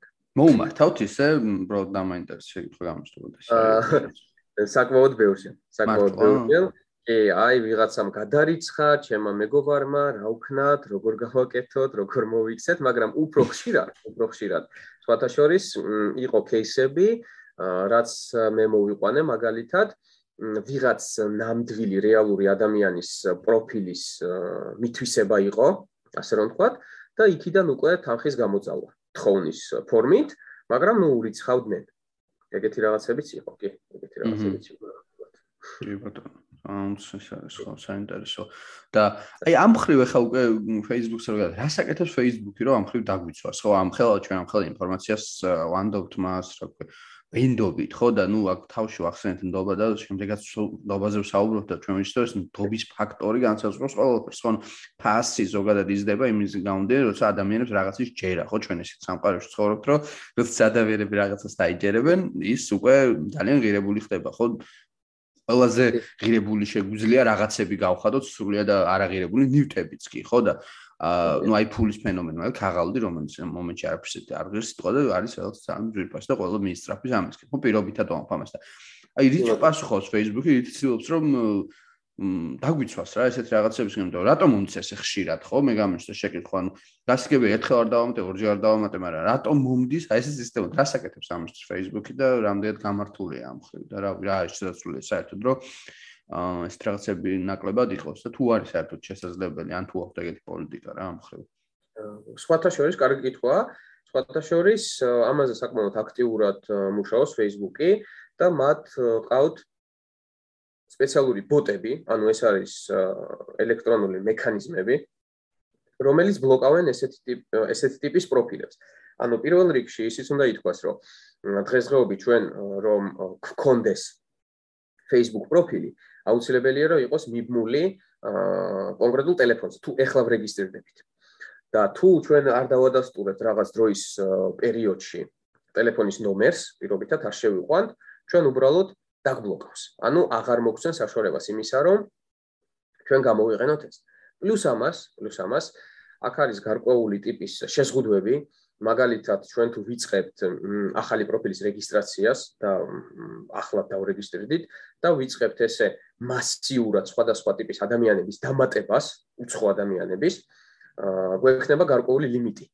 ანუ რაღაც რაოდენობის შემდეგ უკვე აღარ მოგცემს საშუალებას იმისა, გარკვეული პერიოდი, რომ ვამატოთ, ვამატოთ, ვამატოთ ესე განურჩევლად ყველა ადამიანი. ანუ ბევრი სხვადასხვა ტიპის მექანიზმი არსებობს იმის წინააღმდეგ, რომ ახლა შექმნილი ასე რომ ვთქვათ, არა დამოწმებული პროფილი ესე აქტიურად ვრცელდებოდეს და მუშაობდეს სისტემაში. ჩვენ გქონდა რამდენიმე ამაზე кейსი გქონდა ექსპერიმენტი ჩატარებული, ვაკეთებდით ამას, ვამუშავებდით, ასე რომ ვთქვათ, და ქონდა რამდენიმე სხვადასხვანაირი ტიპის სხვადასხვა ქცევით შექმნილი პროფილი და უყურებდით რა შემთხვევაში იბლოკებოდა და რა ტიპის შეზღუდვებს გვაძლევდა. და უნდა აღინიშნოს ის, რომ აუცილებელია დღეს უკვე რომ ეს იყოს დადასტურებული ისევ და ისევ მობილურის ნომრით, გარკვეული შეზღუდვები ახალ პროფილებზე, სანამ ჩვენ შევქმნით აი ზუსტად აი სანდოობის ისტორიას. ანუ პროფილის მიღმა ეს უნდა იყოს. შესაბამისად, თუ კი პროფილი დავკვიდრდა შედარებით და იქ უკვე სხვადასხვა ტიპის, ასე რომ ვთქვათ, შეზღუდვები არის მოხსნილი, მაშინ უკვე ეს შესაძლებელია. მაგრამ რეალურად აქ ჩვენ რაზე გვაქვს საუბარი? თუ ზედმეტად ბევრი შეზღუდვა დაიწესება, უბრალოდ მოხარებლებისთვის ეს უკვე აღარ იქნება კომფორტული. და ამ შემთხვევაში კოლიზიაში ხდებით და გადაიკვეთება უსაფრთხოება და გამოყენებადობა. usability ეგრეთ წოდებული დღეს საკმაოდ ტრენდული ტერმინია ეს და რაც უფრო usability, ანუ გამოყენებადობა დაბალია, მით უფრო მოხარებლებისთვის რთულია ამ სისტემის გამოყენება. და რაც კარგი და დაცული არ უნდა იყოს ეს ჩვენთვის ეს სისტემა, თუ არ არის გამოყენებადი და მოხარებლებისთვის კარგად გასაგები, მაშინ ყველანაირად შეეცდება, რომ ეს სისტემა არ გამოიყენოს. ან რაღაცა გამოყენების სხვა გზა იპოვოს. აი ეს არის ძალიან მნიშვნელოვანი მომენტი. შესაბამისად, მთლად ბოლომდეც ძალიან მკაცრად ვერ ზღუდავენ მოხარებლებს როგორც წესი, გამომდინარე იქიდან, რომ ახალი მოხარებელი, ნამდვილი მოხარებელი არათაღლითი, ხო? უბრალოდ შეწუხდება და აღარ მოუნდება ამის გამოყენება. აი ეგ არის მნიშვნელოვანი. რაღაც წვრილ იმაზე გადიან რა ყოველთვის ესე იგი ანუ რაღაც დონეზე ერთი მხრივ ის არის რომ მომხმარებელი იყოს თავისუფალი და მარტივად შეძლოს ხო და სოციალური ქსელის გამოყენება და მეორე თანაც როს ყველგან დაღლიტები არ ხვეშტრე მოკლედ ხო რაღაც აი ეს შუალ იმაში დავაუწევთ ხო და აი ამავე თემას მგონია აქტუალურია დეзинფორმაციის ფაქტორიც რა ანუ ხე უსაფრთხოება რამდენად გადის არ ვიცი ეს მაგრამ ყოველ შემთხვევაში რეალურად ეს დეзинფორმაცია ადამიანების სიცოცხლეს ეხება საბოლოო ჯამში, ხო? და ამის კარგი მაგალითი არის მაგალითად აბო ეს კორონავირუსის ფაქტორი კორონავირუსმა ძალიან ბევრი რაღაცა დაგვანახა და მათ შორის ეს დაგვანახა თუ რამდენად არაუსაფრთხოა ზოგადად ინტერნეტის გამოყენება რა, იმიტომ რომ ერთ მხრივ რომ ვითომ ჩვენ ინტერნეტი გვაქვს იმისთვის რომ მათ შორის სოციალურ ქსელებებში მივიღოთ ინფორმაცია და ვიღოთ ინფორმირებული აღმოჩნდა რომ აღმოჩნდა რა ისეთ ვიცით ეს მე დაგვანახა უფრო რომ ხშირ შემთხვევაში პირიქით არის რა, ანუ ინფორმაციას კი არ ვიღებთ twins ვიტენით დეზინფორმაციით და რაღაც ილუზიაში ვიწყებთ ცხოვრებას. და რეალობას ვწყდებით საერთოდ ამის კარგი მაგალითი არის თვითონ Facebook-ს საკეთებს არა მარტო Facebook-ი, ხო Google-იცა და ძალიან ბევრი ძალიან სოციალური ქსელები, რომ მათი ხელოვნური ინტელექტი რას საკეთებს, რომ როდესაც შენ გაქვს რაღაც კონკრეტული ინტერესი, ის ერთი მხრივ მორგებულია შენზე, რომ გაწვის ამაზე მეტ ინფორმაციას, მაგრამ მე თუ არ პირობითად ანტივაქსერი, ან წამს რა ჯერა რაღაც ბრწყელი დედამიწის, ხო? ანუ და ამას რამდენჯერმე ჩავწერ მე ან Google-ის საძიებო სისტემაში, ან Facebook-ს, ან აღმოვაჩენ ცოტა ხანში, რომ თურმე მარტო კი არა, ძალიან ბევრია ესეთი, ძალიან ბევრია, ძალიან ბევრია და მე ეს მაწვის და მაწვის, ხო, ამას ინფორმაციას და რაღაც სხვადასხვა ჯგუფებში წევრიანდები მე ვიდეოებს მიგდებს ესეც რომ და უცებ რაღაც ვიჯერებ რომ მართლა ესეა ხო რომ დედამიწა ბრტყელია პირობითად რაღაც ვაქცინაში შხამია და უნდა მომკლან ან დამჩიპონ. და მთელი მთელი ეს სისტემები ეწყობა რაც საბოლოოდ კორონავირუსის შემთხვევაში ნახეთ რომ ძალიან ბევრი ადამიანი სიკვდილთან და სიცოცხლესთან არის დაკავშირებული ხო და ამ ხრივაც გასაგებია რომ Facebook-იც, YouTube-იც და სხვადასხვა პლატფორმები ამ ცდილობენ რომ დაგვიცვან, მათ შორის Facebook-ზე რომ ნებისმიერ პოსტს რო დადებ, იქ არის COVID-19-ის ის რომ აა თავაზობენ რომ აი გაეცან ინფორმაცია თვითონ ანუ ამით გადაამოწმე, მაგრამ ნუ აა მაინც ფაქტია რომ არ მუშაობს ეს რა, იმიტომ რომ საქართველოს აგერ სერიოზული პრობლემა გვაქვს ამ ხრივ ვაქცინაცია არის ფაქტიურად ჩავარდნილი და არა მარტო საქართველოს, ხო, უცხოეთშიც ეს პრობლემა არის, მათ შორის განვითარებულ ქვეყნებშიც და აი აი ამ ხრივ რასაკეთებს რეალ და რამდენად შეიძლება რომ მეტი გააკეთოს, იმიტომ რომ ნუ რა ვიცი, ძალიან დაუცველია ეს ეს რაღაც ჩემი აზრით რა. რა ვიცი, რამდენად მე მგონია ძალიან სერიოზული პრობლემაა ამ ხრივ, რომ ადამიანები მოკლედ იმ ილუზიით რომ ინფორმაციას იღებენ, აღმოჩნდებიან ხოლმე რაღაცა ნაკაჩი სადაც ინფორმაციის მეტ ყველაფერი სულ დეზინფორმაციის იმაში არიან ხოლმე რა. ხო, კი ბატონო, ანუ რეალურად აქ უფრო რაზია საუბარი, ხო? აა აქ მომენტია იმაში, რომ ნუ როგორც თქვით, ხო? რადგან ეს არის უდიდესი საინფორმაციო პლატფორმა და საინფორმაციო სივრცე, აქ შესაძლებელია როგორც რეალური, ასევე რაღაც სტყუილი ინფორმაციის უპრობლემოდ გაშუქება, ხო? და იმის გარჩევა რა არის რეალური, რა არ არის რეალური, აქაც ცოტა რთულია. იმიტომ რომ ნუ ამას რა თქმა უნდა ავტომატურ დონეზე როგორც არის მაგალითად მოხარების უსაფრთხოება Facebook-ი იგივე ვერ განახორციელებს და აქ არის უკვე ისევ და ისევ ჩვენს ნდობაზე, ხო, ეს ყველაფერი დამოკიდებული და იმ რესურსის ნდობაზე, რომელსაც ვამუშავებთ. აქ მე ესეთ რაღაცას ვიტყვი, ხო? ალბათ, ალბათ უმჯობესია რომ შევხედოთ კონკრეტულ გვერდებს, რომელიც ამ ინფორმაციას, ასე რომ ვთქვათ, ავრცელებს, სხვადასხვა ტიპის ბიზნეს პეიჯებს, რასაც ეძახიან, ხო?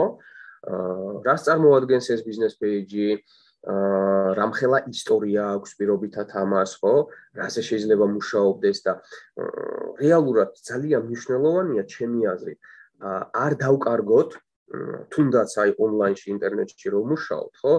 შეფასების უნარი ჩვენ რეალურად და იმის გარჩევის თუ აჰა, კი ბატონო, ნუ ეს ხომ პირობითად სისულელია, რაც აქ არის. მე ეს ხომ მესმის. ანუ ჩემი აზრით ერთ-ერთი ჩვენი კარგი ვარიანტი და გამოსავალი როგორც მოხარებლების არის საღიგონება ისევ და ისევ ხო? იმიტომ რომ ის არ არის გამართლება მე ვთქვა ტექნოლოგიებში ვერ ყვევი პირობითად და ეს არ ნიშნავს იმას რომ მე აუცილებლად უნდა დაბიჯერო ყველაფრის რაც მან წერია. მე შეიძლება ტექნოლოგიებში ვერ ვერ ყვეო და იმდენად მაგრამ აზროვნების უნარი მე მაქვს და შეფასების უნარი და რეალურად იმ სურათის დანახვის რაც არის, ხო? შესაბამისად, აი აქ ჩემი ესეთი ერთგვარი რჩევა იქნება, რომ არ უნდა დაკარგოს მოხარებელმა იმის გრძნობა და იმის უნარი, რომ შეეძლო შეაფასოს სიტუაცია. ხო, კონკრეტულად არ აქვს ამას მნიშვნელობა, ეს ონლაინში ხდება თუ რეალურ სამყაროში, ფიზიკურად. ხო, ანუ ეგ არის ერთ-ერთი მომენტი, იმიტომ რომ ამისი ასე რომ ვთქვათ, გაკონტროლება სისტემის დონეზე და რაღაც თქვათ ალგორითმების, ანუ მუშა პროცესის დონეზე, ხო? უბრალოდ შეუძლებელია. შესაბამისად, ისევ და ისევ აქ ამითიც ფასობს ერთ-ერთი მომენტი არის ის, რომ თავისუფლება შეუძლია ნებისმიერ ადამიანს ნებისმიერი რამ დაწეროს, ხო? პირობითად შეიძლება სიმართლეს დაწეროს, შეიძლება ტყუილის დაწეროს. ეს ასე რომ ვთქვათ, მისი საქმეა. და აქ ჩემი აზრით ეს როგორც პლუსია, ასევე მინუსი არის. ერთდროულად. ანუ უნდა შევეგუოთ ამას და ერთადერთი ის არის, რომ არ დავკარგოთ აი ეს შეფასების უნარი და იმის გარჩევის თუ სად შეიძლება იყოს ეს კი ბატონო საღიქონებით გამოწვეული და სად მათ შეიძლება ეს რაღაც სხვა მოტივებთან იყოს ეს კი ბატონო. აი რატო ვიკითხეთ ეს აი იმ კუთხით საუბრობ რომ აი მაგალითად ეს ალგორითმები მაგალითად უფრო არის უფრო არ და პირდაპირ არის ორიენტირებული იმაზე, რომ რაც შეიძლება დიდხანს დაგტოვონ ამა თუ იმ სოციალურ ქსელში, ხო? ამით ფასობენ ისინი და ამით ვარ ჩვენს მათთვის პროდუქტი, ხო? და მე ამას ესე ვთქვათ, სხვადასხვა კომპანიებზე ყიდიან იმ კუთხით, რომ მე იქ აჩვენებენ ამ სტატისტიკას პირობითად უხეშად ლაპარაკობ, რომ აი ამდენი მომხმარებელი ყავს და მე ის იხდის რეკლამაში ფულს, რომ მე ამ მომხმარებელს ინფორმაცია მიაწოდოს, ხო? და აა რამდენად აი ეგ უბრალოდ შეკითხვა მაქვს ესეთი რომ ну თუ არ შეიძლება რომ უფრო უფრო ნაკლებად იყოს ეს ალგორითმები იმაზე ორიენტირებული რომ მე სიტყვაზე აუცილებლად გინდა თუ არა აქ ძალიან მეტი დრო გამატარებიო ну აქ ძალიან ისეთ რაღაცებზე მივდივართ მე ძალიან რთული ამაზე პასუხის ეს ერთეროვნად გაცემა მაგრამ ანუ რაღაც დონეზე თქვა ანუ ძალიან ხო არ არის ამაზე აქცენტი გაკეთებული და ისე ხო არ გამოდის რომ ამით სიტყვაზე პირდაპირ ზარალდებიან ადამიანები რა აა აა იმით რომ მაგალითად მათზე манипулირებს ბჭყალებს არ ვიცი რამდენი შეფუთქოს კიდაც ეს ალგორითმები რომ ცდილობენ რომ დიდხანს დატოვონ ხო და ხა ის რომ შენ მაგალითად პირობითად რომ რაღაცა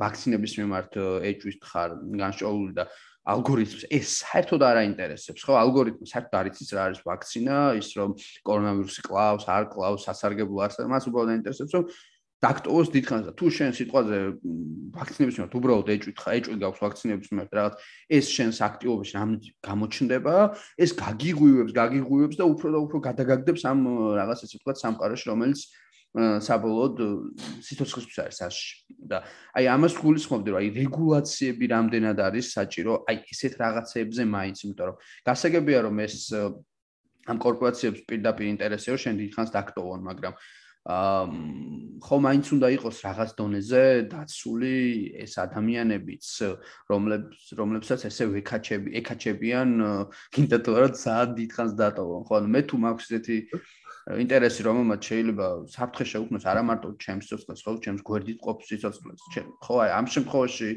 რავი რა რეგულაციები თუ არის საჭირო მაგას რომ და ის ცევიმას რომ მიუბრუნდეთ თორემ მარკიკ ცუკერბერგიკ იმას ესაუბრებოდა სენატორებს ხო რაღაც ჭყალებს დაკითხავს ავით ხო რაღაც ფორმატში ანუ აი აი ამ რეგულაციებზე მინდა რომ აი რაღაც ბულკი რომ აი ამ რეგულაციებზე ვისაუბროთ რამდენად არის ეს საჭირო რა რომ ანუ გასაგებია რომ ჩვენ საღი იმით უნდა შევხედოთ მაგრამ აი წინაშე მაგალითი იყო ესეთი რომ აი ეს პრიმიტიული ფიშინგი რომ ვიღაცა უცნაური პროფილი გამატებს სამსნაური ფოტოთი და რაღაც Google Translate-ის ტექსტით და ამაზეც წყუდებიან ადამიანები, ხო? და ამ ბევრიო და ეს მუშაობს, იმიტომ რომ მეც აგე ყოველ დღე რაღაც friend request-ი მომდის და ბუნებრივია რომ ეს თუ მუშაობს, მაშინ რაღა ვქნათ იმ ხელ დეзинფორმაციებზე, რაც კიდე უფრო საშიშია, ხო და კიდე უფრო შეფუთული ხა. ერთია რომ ესეთ რაღაცას წყუდებ და მეორე, როდესაც გიგდებს რაღაც ვიდეოს, რომელიც ვიღაც ლაპარაკობს გინდა თუ არა იმაზე, რომ ვაქცინაში მაგალითად შეშვებულია ჩიპები და მე შენ უფრო და უფრო ესე ვთქვათ ამაში ეხვევი რა ამილზე, შე მაგის თქვა მინდა უბრალოდ. აჰა, აჰა. მე მესმის, მე მესმის. რეალურად ეს პრობლემა არსებობს, ეს პრობლემა არსებობს, მაგრამ მოდი ესე ვთქვათ, ხო? ეს არის უფრო შინაარსობრივი სიტუაცია, ხო? იმიტომ რომ იმ კონტენტის სახით შეიძლება იყოს წარმოქმნილი ძალიან ბევრი რამ. და სწორედ აღნიშნე ის, რომ Facebook-ს აინტერესებს რა? აინტერესებს ის ხდია, რომ რაც შეიძლება დიხას გავჩერდეთ მანდ და უსაფრთხოება ისევ და ისევ იმ კუთხით, რომ სანდოობა იყოს მის მიმართ მოხარებლებში, ხო? და აა ამისი კონტროლი, ამისი კონტროლი აა როდესაც შინაარსზეა საუბარი შედარებით უფრო რთულია და ნაკლებად საინტერესო იქნება მათთვის. მათ შეუძლიათ რომ გააკონტროლონ პირობითად კონკრეტული ლინკები, რომელიც იდევა თქვა რაღაც დაღლითური საიტების და ასე შემდეგ, რომ იქიდან Facebook-იდან კონკრეტულად არ მოხდეს გადასვლა, ამ ლინკებზე და ან წაშალონ მაგალითად ხო როგორც ხდება ხოლმე. ან დაიბლოკოს ხო ეს ყველაფერი ხდება ავტომატურად ანუ იქ არავინ ესე ცოცხლად არ ზის და ამას არ შეგს არ ბლოკავს ამას აკეთებს პროგრამა თვითონ და ამას ამუშავებს. ის პრობლემა რომელზეც საუბრობთ ახლა არის უფრო შინაარსობრივი და აქ თვითონ Facebook-ის მხრიდან ჩემი აზრით რომ რეაგირება ჯერჯერობით არ იქნება იმიტომ რომ ისინი რეალურად რეალურად იმაზე არიან მათი იდეა არის ის რომ აქ იყოს თავისუფლება მთავარია რომ მე სხვა ადამიანებს პირობითად არ შეუქმნა რაღაც პრობლემა არ მივაყენო შეურაცხყოფა თუნდაც ეს თემაც არსებობს ხო? ესეთი თემა როგორიც არის კიბერბულინგი რაც მაგალითად იგივე სკოლის მოსწავლეებში არის ძალიან გავრცელებული ამანაც ცოტა შორს შეიძლება წაგვიყვანოს მაგრამ საკითხს რო დაუბრუნდეთ, ხო? სიტუაცია, რომელიც უფრო ეხება შინაარსობრივ დატვირთვას, ჩემი აზრით დღესდღეობით ეს უფრო არის მოხმარებლების პასუხისგებლობა, უფრო და Facebook-ი ამას ნაწილობრივ იხსნის. რადგან გვეუბნება, რომ კი ბატონო, ეს კონკრეტული გამონათქვამი, რასაც გამოაქვეყნებ, თუ არ ეწინააღმდეგება ჩვენი სერვისის გამოყენების პოლიტიკას და მოხმარების პირობებს, მაშინ პრობლემა არ არის და ეს თქვენს ხელშია როგორ დაარეგულირებთ ამას. იქნება ეს საზოგადოებრივი აზრი, იქნება ეს სხვადასხვა ტიპის აქტივობები, შინაარსობრივი გულისხმო, ხო? ეს მაგათ დღეისთვის ჩემი აზრით ნაკლებად აქვს პრიორიტეტი. რადგან ნუ ამის გარკვეული მიზეზები არსებობს, პირობითად ამას ჭირდება დამატებითი რესურსი, მათ შორის ადამიანი და ადამიანური და ფინანსური, და რაც ჩემი აზრით მათ ბიზნესის კუთხით და ესენი რა თქმა უნდა მას როგორც ბიზნესს უყურებენ ვერ მიუტანს დღესდღეობით და ეს მაინც ჩემი აზრით საკითხი ღიად რჩება და უფრო არის ასე რომ ვთქვათ მოხარებლებს და აი საზოგადოების აი რეგულატორების როლზე ვკითხულობდი ამ ხრივ მე ანუ მე მესმის რომ ეს ბუნებრივია მათ შეიძლება სულაც არ უნდოდეთ და მათი ინტერესი ეს არ იქნება ბუნებრივია Facebook-ს გულისხმობ თუმცა ანუ მეორეს მხრივ არსებობს სახელმწიფო და ნუ აი რეგულაციები ხო? და აი ამ მხრივ გულისხმობ რამდენად ხედავ კიდაც საჭიროებას რომ ეს ჩარევა მოხდეს სიტყვაზე ამ კუთხით ესეთი რაღაც რეგულაციების კუთხით იმიტომ რომ ბევრი ხო ამას საუბრობს ხოლმე რომ რაღაც დონის რეგულაციები საჭიროა რაღაცები გასამკაცრებელია ეს მაინტერესებდა რამდენად ფიქრობ რომ ეს რაღაცები საჭიროა. და თვითონ მეც დარწმუნებული ვარ, რა თქმა უნდა, თვითონ იმას იზამენ, რა ქვია, არ იზამენ ამას თუ არ შეეხო იმას, რაც მათ ისე თქვა ამ შემთხვევაში შემოსავალს და უფრო რაც ყველაზე მნიშვნელოვანია, მომხმარებლების დობა მაინც აქვთ. იმიტომ რომ, როდესაც მე სიტყვას Facebook-დან დეзинფორმაციას ვიღებ, და მე ამ დეзинფორმაციის მჯერა, ხო? ანუ შესაბამისად მე პრობლემა არ მექნება. მე შეიძლება დავიჯერო ყველაფერი, მაგრამ თუ მჯერა რომ ეს ესია, რაც კი ატყუილი იყოს, მე Facebook-ს მიმართ უნდობლობა არ გამიჩნდება, ხო, ბუნებრივად. Facebook-იან შეიძლება ვიღებდეთ ძალიან ბევრ დეзинფორმაციას, მაგრამ მე გონოს სიმართლე და ნუ პრობლემა არ გამიშა უფრო შეაჩაო Facebook-ზე. აი მაგას ვკითხულობ, აი გარედან ჩარევას როლს თუ ხედავ საჭიროებას, აი რეგულაციების კუთხით და ამ შემდეგ რა. Hm, ძალიან საინტერესოა ეს, ძალიან საინტერესოა. უბრალოდ ესეთ რამეს ვიტყვი. Hm, აქ უნდა იყოს თუ პირობითად ხდება ჩარევა, აა ძალიან ჭკვიანურად უნდა მოხდეს ეს ჩარევა. რატომ? ეს ისეთი სფეროა, ჩვენ რამდენიმე ქვეყნის მაგალითი გვაქვს, სადაც ესეთი ტიპის პროცესებში თვითონ სახელმწიფო და სხვადასხვა ტიპის რეგულატორები ზედმეტად ერევიან და საბოლოო შედეგად გვაქვს ის, რომ ქართულ ქვეყნებში Facebook-ზე წვდომა მაგალითად ან სხვა სოციალურ ქსელებზე საერთოდ არ არის. იმიტომ რომ ნუ იქ თავისი ასე რომ ვთქვათ მოტივები აქვს გარკვეული, ხო?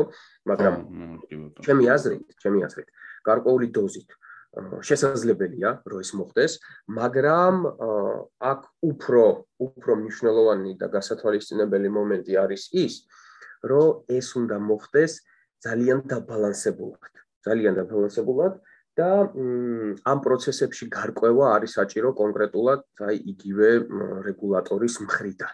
შესაძლებელია, მაგრამ ძალიან ძალიან ფაქიზად უნდა მოხდეს ეს ყველაფერი, რომ ისევ და ისევ არ მოხდეს მომხმარებლების შეწუხება ან შევიწროვება.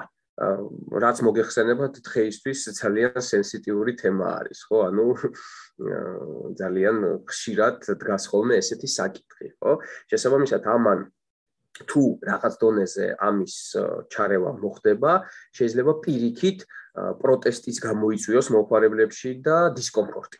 ანუ აი ესეც არის მოსალოდნელი. შესაბამისად, ჩემი პასუხი არის კი შესაძლებელია, მაგრამ ძალიან ასე რომ ვთქვათ, თხილად და ფაქიზად უნდა გაკეთდეს ეს და სწორედ.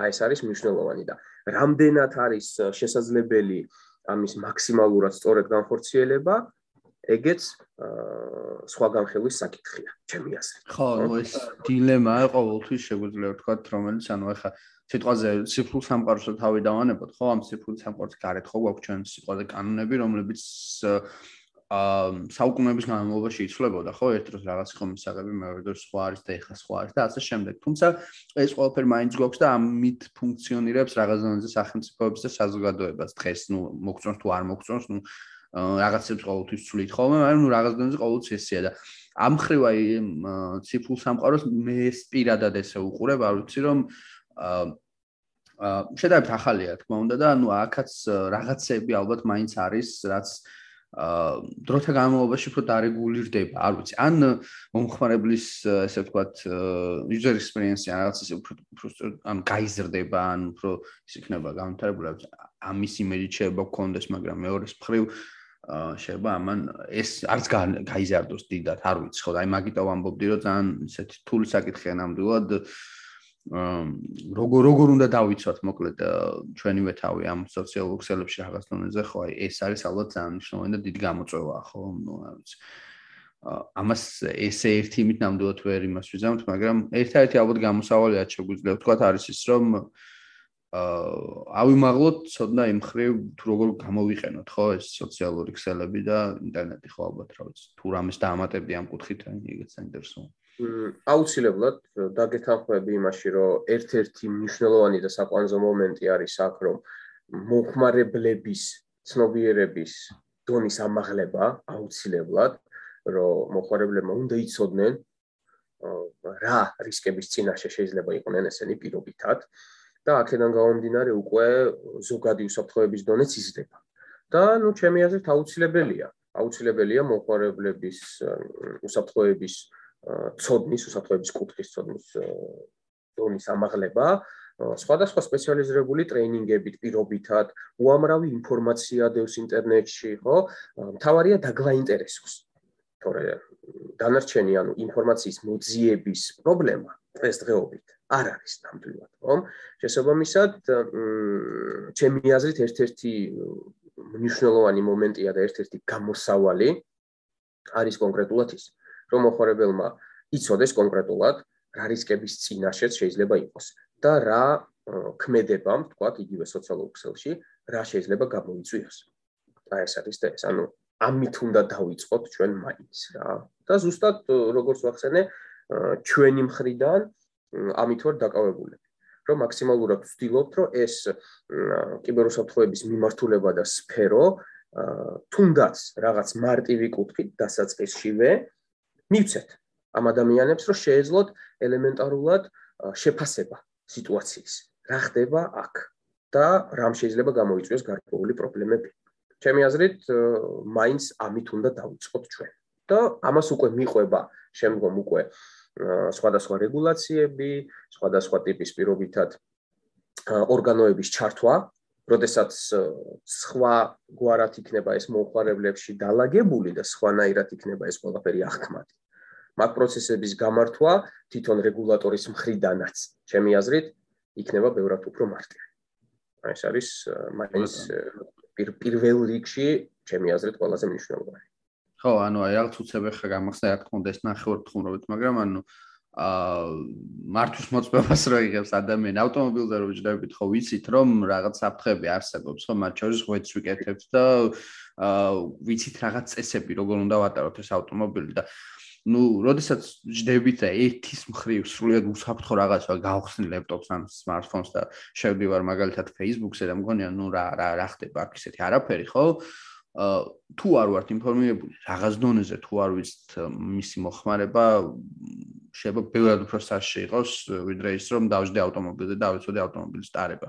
იმიტომ რომ სულად ისაც სამყაროში აღმოჩნდა შეიძლება ისეთ კონსპირაციებში ამოყოთავი რითაც მარტო ჩემ თავს კი არ ვავნებ განშემო ყოფისაც ძალიან ვავნებ. ხო და მე მე თვითონაც ხდები უკვე ამ დეзинფორმაციის და მავნე ინფორმაციის გავრცელების წყარო რაც კიდე უფრო ცუდია, ხო, იმიტომ რომ რაღაც ვირუსივით დამაინფიცირებელი ხდები შემდეგ ამის და ვიღაცებს მე მე-15 შევა დავიწყე თუბერი გავხდე პირობითად, მაგრამ და დავიწყე იმის მტკიცება თუ რაღაც დედამიწა რატო არის ბრწყელი მაგალითად და რატომ ცხოვრობს რაღაც დაჩიპულები რატომ არ ყველა და ნუ ასე შემდეგ, ხო? და აი ეს ალბათ და აი თქვენ რაც საკეთებ ძალიან მნიშვნელოვანია ამ კუთხით ნამდვილად და ალბათ ეს კიდე უფრო უნდა გაიზარდოს ჩემი აზრით რომ მაქსიმალურად რა ხარ სკოლაში ალბათ არ უნდა ისწავლოთ ეს Facebook-ი როგორ მოვიხმარო რა თქმა უნდა მაგრამ რაღაც დონეზე ალბათ ეს უნდა მართლა ტრენინგების არ იყოს უნდა ხელმისაწვდომი უნდა იყოს ამაზე ინფორმაცია რომ ვიცოდეთ ზუსტად ის თუ ჯერ რას ვაკეთებთ როდესაც შევდივართ ხო სოციალურ ქსელში და შემდეგ რა შეება მოყვეს ამას ალბათ აი რა ვიცი.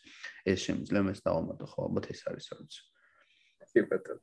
სწორია სწორია. ნამდვილად ესეა დი ბატონო, რა ვიცი. აა მადლობა მაშინ შენ გიორგი ძალიან დიდი და სანელსაც მადლობა რომ მოგვისმინა და მედია რაღაც საინტერესო ინფორმაცია მიიღო დღევანდელი პოდკასტისგან და აა მოკლედ ამ ამ იმით დავამთავრებდი რომ როდესაც შევდივართ Facebook-ზე ვიხოთ ასე ვთქვათ შედარებით ფრთხილად. ხვედი გავიკეთოთ და ისე შევიდეთ მოკლედ და ხვედი თუ გაკეთეთ კი ბატონო, კი ბატონო, ციფრული ყვადი და თუ ეს გაკეთებული გვექნება, ბევრად უსაფრთხოდ ვიქნებით შიგნით და რა ვიცი.